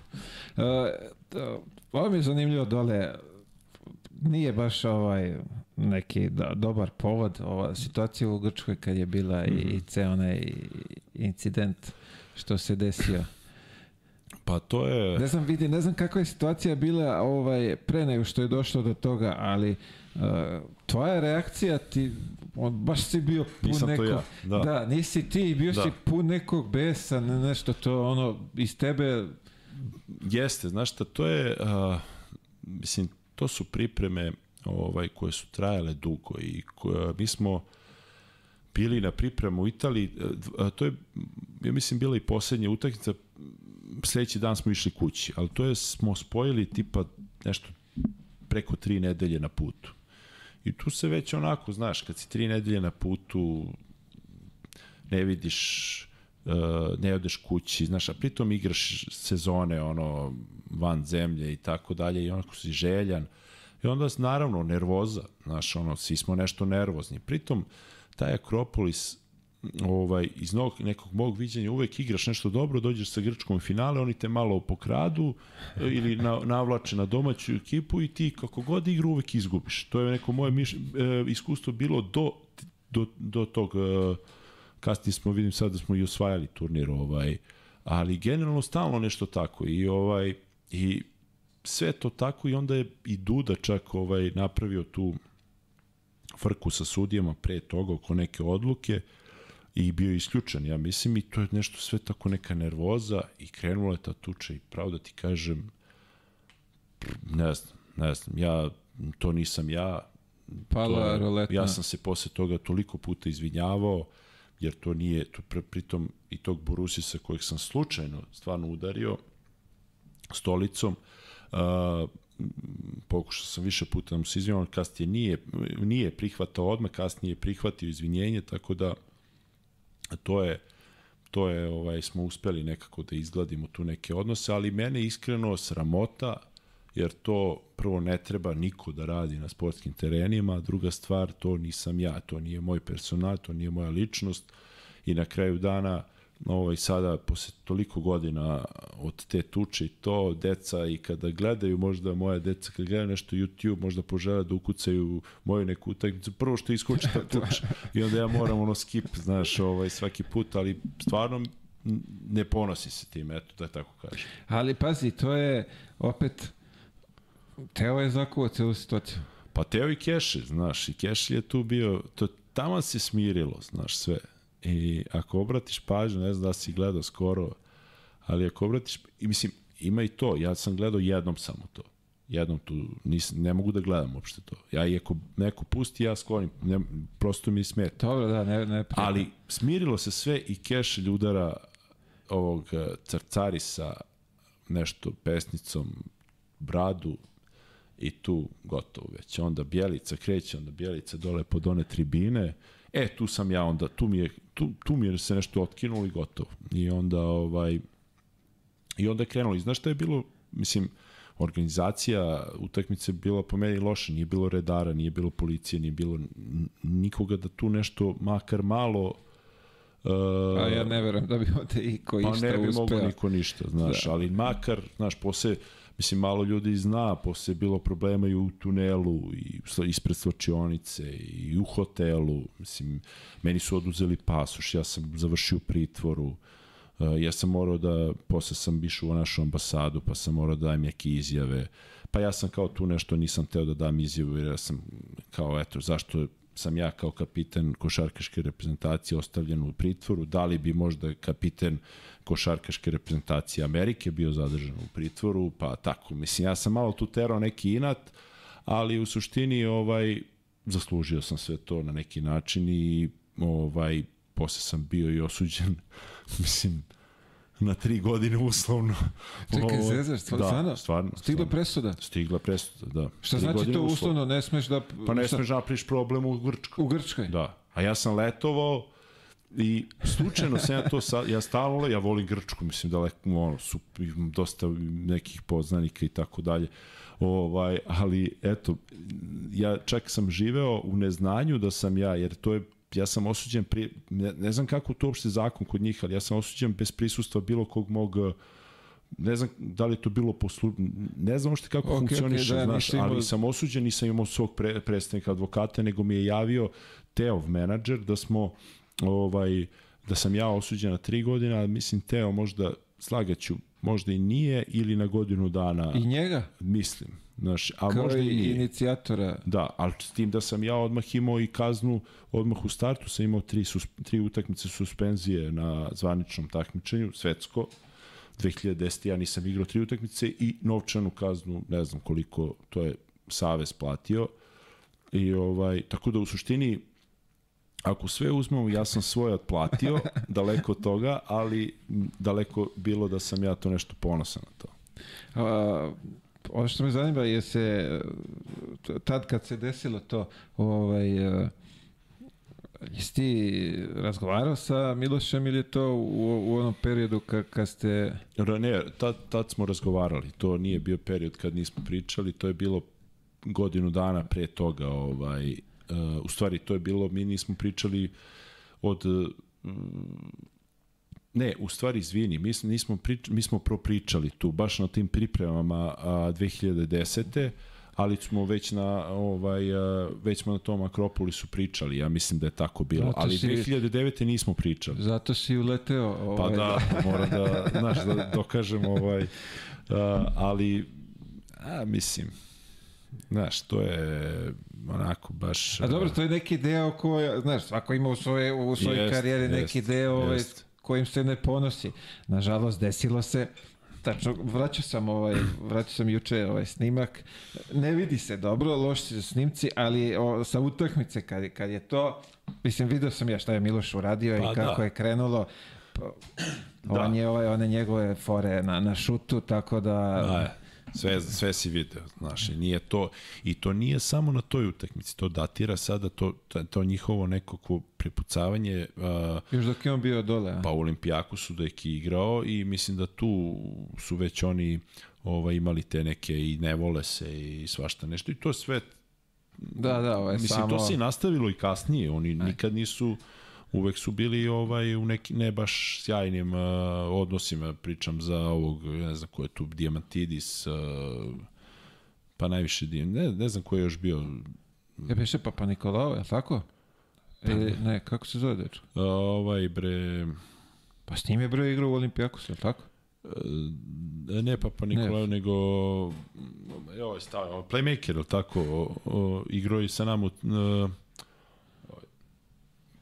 Papa Lukas. Papa Lukas. Nije Papa Lukas. Nije bio on to. Ne, da li je Focis ili je Papa Nikola, Focis, tako nešto. Focis, Focis Diamantidis, uh, sa njima nije bio u dobrim odnosima, znam, i ovaj i možda još neko, ne znam tu, ali to, ta Panathinaikos, Olimpijakos, da, ovaj, da, da, da, da, da, da.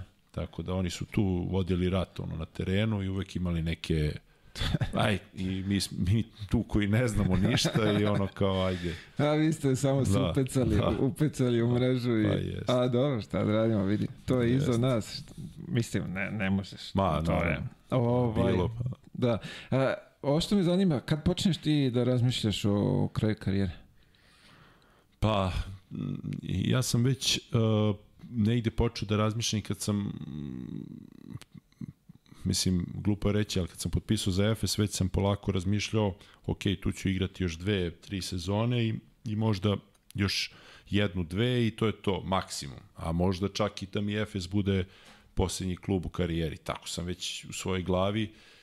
E sad, mislim, ja sam tu imao tu neku svest ovaj, o tome, znao sam da to neće doveka trajati tako sam razmišljao. Možda se zato i ta povreda, znaš kako je, već se polako postaje umoran od svih tih putovanja, već sam dobio decu, uh, nekako sam pla, pravio planove šta posle karijere i gde, gde živeti posle karijere tako, tako da verovatno možda malo se i, i u glavi umorio od svega i pitanje u kako sam ja psihofizičkom stanju bio kad se i desila ta povreda uh mhm, -huh, plus uh mhm. -huh. kraj, kraj sezone i sve uh, mislim da sam bio malo umoran od, od, od košarke i nekako telo je to možda i prepoznalo, šta znam, ali desila se ta možda jedna od najtežih povreda opet i Da, po drugi put, da, to je ali, ono baš teško. Da, ali ja sam već kad sam potpisivao za FS, već sam, kažem ti, razmišljao, nisam ja bio ono da, da igram do 37. 8. Znaš, da, da, da, da. Tako da... A sad kažeš, uh, imao si plan, šta je, šta, što bi se reklo, šta, si, šta je bio plan da, da radiš posle?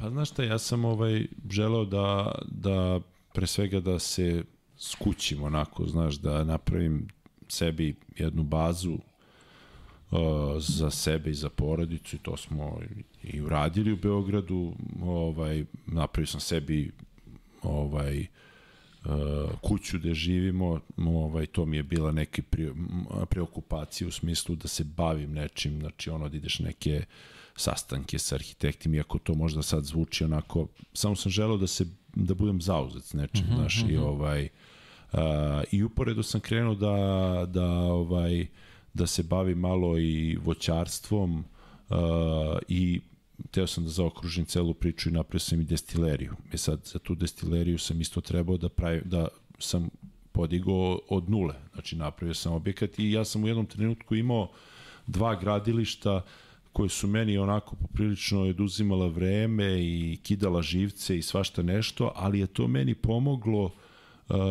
u toj da kažem, tranziciji završetka karijere u neki da ne bude normalan hod, život, da. da nema prazan hod i, i to je trajalo dve godine, tri, dok sam ja to sve krenuo i tako eto, to sam, plus naravno što nam se porodica uvećavala, dobili smo i treće dete i kasnije i četvrto dete i naravno i tu ima puno posla, tako da, znaš, ono, jednostavno nisam, nisam želeo puno da se zarobim s vremenom, a opet da imam neku preokupaciju da nešto radim.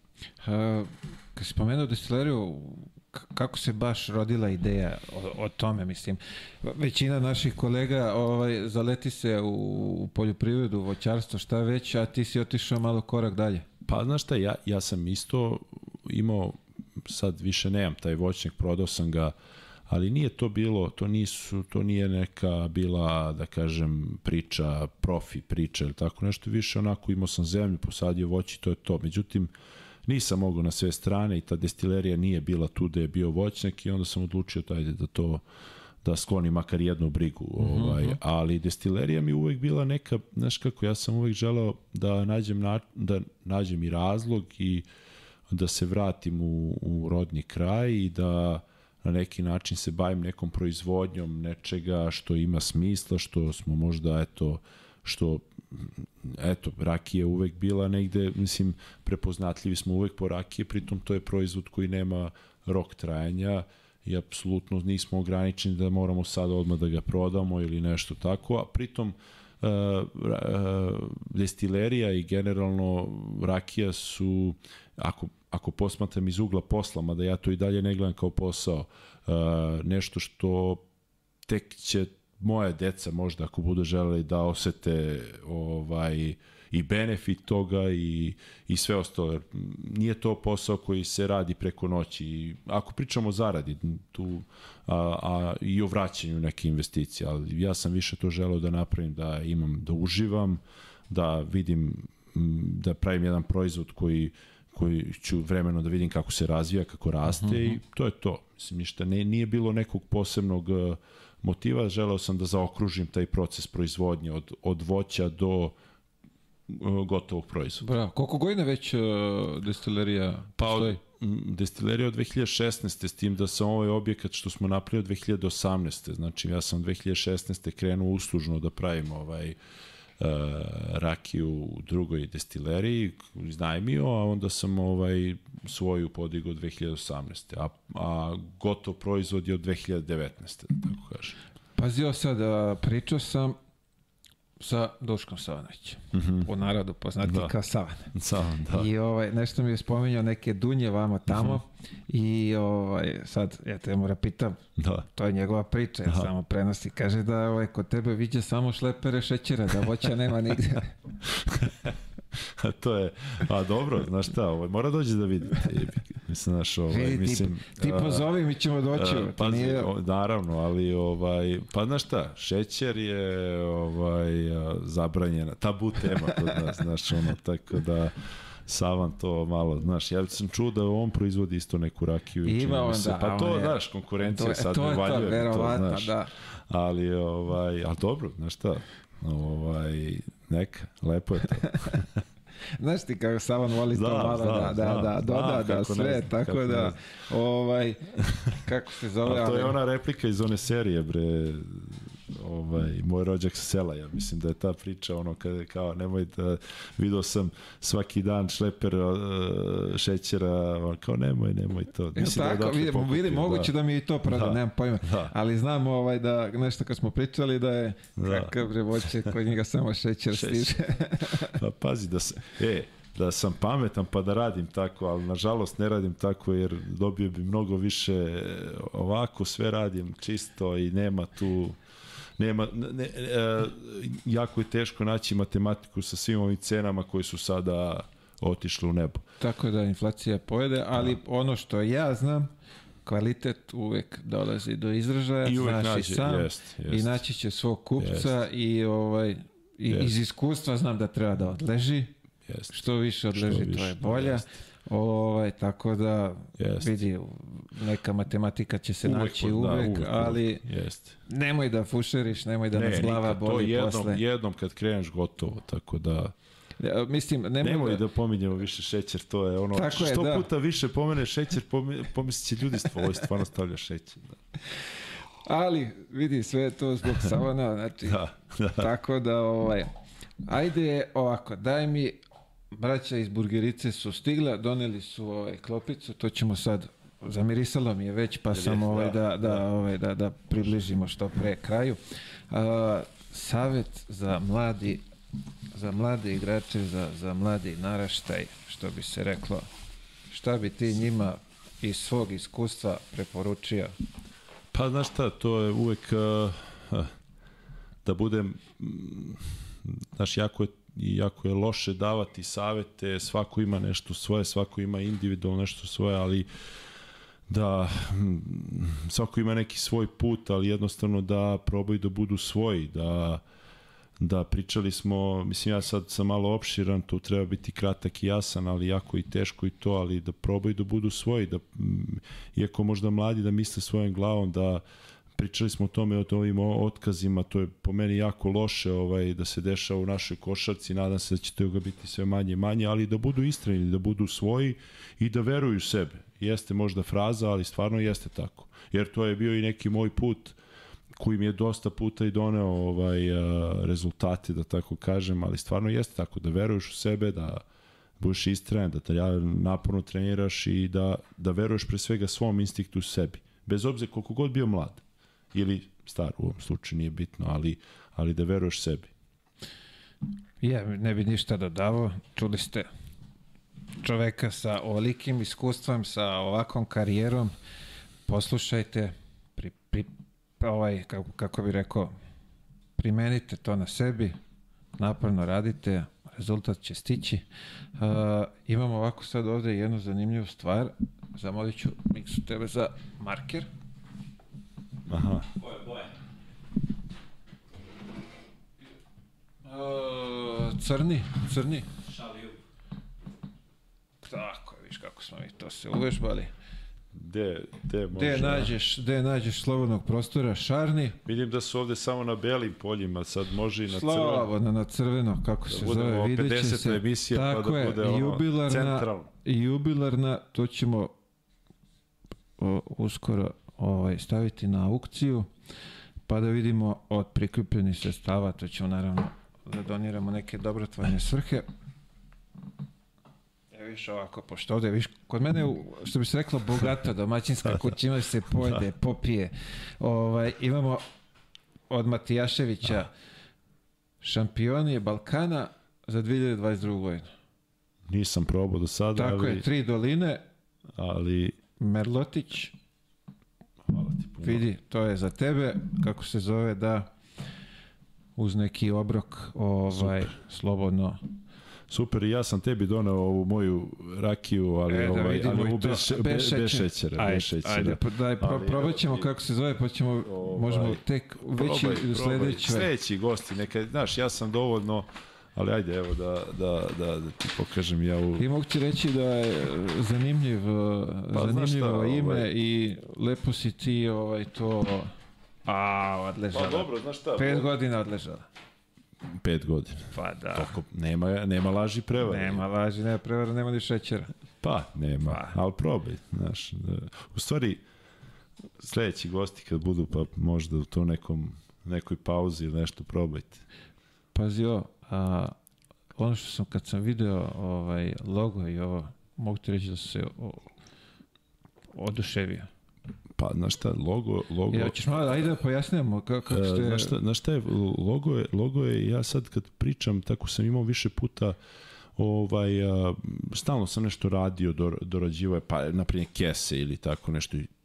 S, ajde, nisam uvek sarađivao sa istim dizajnerom, uvek imam nekog drugog ili tako nešto, ali svi su rekli da je logo onako poprilično urađen profesionalno, ja se u to ne razumem, ovaj, verovatno ta njihova branša i to oni to gledaju, po, posmatraju, ali e, to je radila jedna ovaj dizajnerska kuća u Beogradu koji su baš onako poznati po tome i ja sam tu stvarno dosta posvetio ovaj i vremena i svega ostalog da to izgleda ovaj reprezentativno da tako kažem tako da i da napravimo neki brend. Za rakijski brend treba dosta vremena da se ovaj da se to radi, ali da se uradi, da se postigne taj efekt, ali super. Mislim, a Troglav, Troglav je ovaj vrh iznad destilerije, to je planina stolovi, mislim, nije iznad baš, nego se vidi.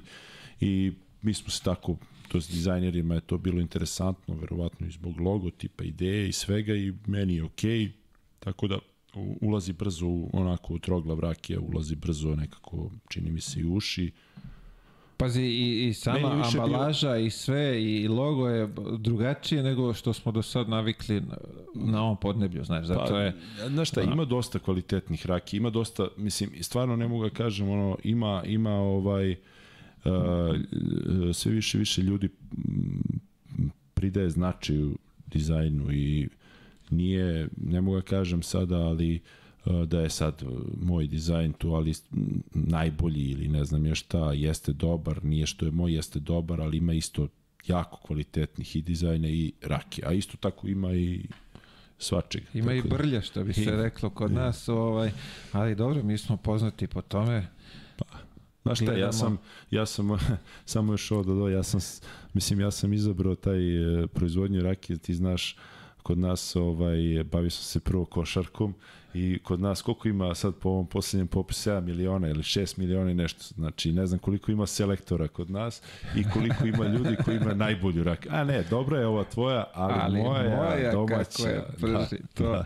to vidi, Tako da stvarno... ima dosta kritika i pozitivnih, naravno, i ovakvih i onako. I ja sve prihvatam, naravno. Vidi, pozitivna kritika je uvek dobrodošla, to ja i ovde da. spomenjem, ovaj, uvek ove negativne, Ma, da, puni smo toga, to svi, jest. ovaj, hvala vam, zaobiđite, idite tamo na ove tabloide, tamo oni, njima su bitni ti komentari, ovaj, cepajte. Naravno. Gle, vidi ovako, lepo smo se ispričali. Jesmo. Hvala ti na, na izdvojenom vremenu. Nadam se da smo, ovaj, zanimljivo smo mnogo, mnogo, mnoge stvari zanimljive rekli, što nismo, ovaj, što, što ljudi ne znaju, što je i poenta ove priče, drago mi je da će i, i aj kažemo, i mlađa generacija čuti ovu tvoju životnu priču, kako je to sve izgledalo i koliko treba ovaj, rada, truda, znoja do, do, do pa, nekih vrhunskih da. rezultata. Hvala tebi što si me pozvao i drago mi je opet kažem što sam ovaj deo ove jubilarne 50. ovaj i želim ti još puno emisija, ovaj siguran sam da će toga biti i znam ovako iz naroda da si omiljen što se tiče ovaj ajde ovih košarkaških tema trenutno u Srbiji svi vole da gledaju. Pogotovo one one tvoje isečke kad praviš ono ovaj to je vrlo interesantno tako da svaka čast. I čestitam ti, stvarno svaka čast treba treba ovaj napraviti. Ajde, ja sam bio naravno tema, ovaj ali ne znam da li si razmišljao možda napraviš emisiju o sebi, ono, da sam sebe, ovaj, e, znaš, vidi, kako znaš si koliko sam ja, koliko sam ja, ovaj, a to sam pričao milion puta, ali dobio sam mnogo upita, što bi se reklo, da ja sednem na tu stolicu, pa da. ovaj, da, ali nekako ja ne vidim da sam ja nešto toliko dobro, zanimljiv, znaš, iz mog još ugla. nije, pa dobro, ali ljudima otkrijem, jeste zanimljivo. Ali otkrijem im ja pomalo nešto, znaš, dobro, kroz priču, da, da, da, ali ajde, vidjet ću, to sam, mislim da je rano, pa možda neku za, Stot. za stotkicu da, da, da napravimo, eto. Pa brzo će to. Pa da, se, pazi, nisam očekivao ni do 50. da ću da doguram, ali eto, vidiš, da. ajde da se držimo da će neka stotkica da bude neka moja priča, a, ali vidi, moram da nađem ovde nekog, ovaj... Pa mora nađeš nekog. Da, nekog, nekog uh, profi ovaj, ispitivača. Da, da ne, i to bi bila dobra fora. Znaš, nekog, baš dovedeš nekog, ono, koji nije isto, možda, znaš, Mislim, vidim da već imaš tu ideju, tako da Pa to mi sad pada na pamet onako dok pričamo, znaš, nisam uopšte razmišljao. Pa ima dosta. tu sva- svakakve gluposti imam ja ovaj, da, da ispričam ovaj, i, i kako ne treba i kako treba, tako Dobro. da ovaj, vidim, imamo, kažem, dobio sam raznih upita od, od publike, vidjet ćemo, mislim da je rano, pa Dobro, dobro. potom, Po- ali polako, svaka polako. čast, hvala i tebi na, na predlogu. Ma, Opet, hvala mnogo na, na izdvojenom vremenu. Želim ti puno uspeha ovaj, što se sloge tiče, Hvala. da to digneš na jedan veliki nivo. Pazi, ja bih voleo, ne znam da smo pre ovaj, na početku rekli, ja bih voleo da svi, uh, a i kažemo, naša generacija, možda malo stari, da se uhvate klubova, da to ovaj da se bave bave klubovima, da se vrati to Da. na, na jedan ovaj neki nivo kvalitetnije, ali Pa dobro, je znaš šta, ja bi isto voleo, eto ja, ako i ja budem, eto Rebrača je u, u Vojvodini, Tako je. e, evo ja sam sada došao i mislim, e, ajde neka budemo mi začetnici tih nekih ovaj e, vraćanja u neke gradove odakle smo potekli, pa da probamo mi nešto ako možemo. Ovaj, I ja bi baš volio isto, slažem se s tobom, da, da probamo da dignemo svi zajedno košarku na ovu našu košarku na, na nivoje na kojem je bila. Tako je, Znaš, vidi, Ne treba e, ništa pazi, više samo da, da vratimo na neki nivo početak 2000. Tako je. To je bilo Pa evo. Mi smo igrali, znamo kako je izgledalo i koliko je bilo, ovaj, nije bilo laganih pobjeda nigde, bre, ti, ono, odeš u Naravno. Kraljevo, kad se oni napune halu, bre, pa nije ono, Naravno. lim odzvanja sve vamo tamo, nije ti svejedno da, da, da igraš. To. Mislim da sad takvih terena nema u Srbiji, ali kažem, evo ti si, ovaj, što bi se reklo, povuko nogu, Rebrača je tu, nadam se da ćemo, ovaj, Pa i evo se, znaš šta, i Teodosić, e, doduše Jovan i u Metalcu, ali tu je Mil, Miloš indirektno uključen isto, ja znam. Tako da, i to je isto jedna pozitivna stvar što su i oni tu. To je porodica, ajde kažem, Teodosić je u Metalcu. Tako, Tako da, je, oni su... A, pazio, znači, oni drže svoj grad. Ti, Lopan, držiš svoj grad. Pa. Uh, Rebrač, ajde, dobro, nije iz Novog Sada, Nije Novog, ali je, i- igrao to je nešto, to, da. da. tu je. Mislim da bi to bilo dobro za srpsku košarku, da je svako iz nekog tog svog o- o- regiona, kako god nazvali, da se uhvate klubova, da, da vode, jer mislim, uh, svi ste uspešni, bili ste uspešni u, u sportu kom ste se bavili i nadam se da a, imate zdravo rasuđivanje i pamet da neće doći do ovog što, na što se sad sve ovaj Partizan i Zvezda ovog previranja, jer mislim da bi Da. Sa vašom tom energijom to sve ovako preraslo i, Pa i svako da bi... da, da, svako da proba da uradi ono nešto do, što je makar malo, jer malo je mnogo, ono kako kažu, malo je više. Mislim da svako nek, da uradi neki svoj deo, da svat, svako shvati neku svoju ulogu, pa će nam svima biti, nadam se, bolje. Pričam za košarku i generalno, tako da nadam se da će lokalne samouprave kao što lokalna ova Prepoznati naša te- prepozna da, da. država isto tako mislim da da to ima smisla jer sport je ipak u tim malim sredinama jedna od stvari koje i dalje ljudi prate i vole, pogotovo ti lokalni sport, tako da sve ima ima smisla, znaš, tako da vidjet ćemo, znaš. Mislim, Ajde, ima dosta vidi. problema, ali Problema ima koliko hoćeš, ali ovaj, ajde da, da što bi se reklo, da krenemo, da se pomerimo s mesta, Jeste. da pričamo pozitivne stvari i razmišljamo pozitivno i Tako nešto je. će se lepo desiti. Još jednom, hvala veliko, dragi prijatelji, gledalci, familija, braćo, ovaj, hvala mnogo i vama na odvojenom vremenu i vidimo se već sledeće nedelje. Pozdrav!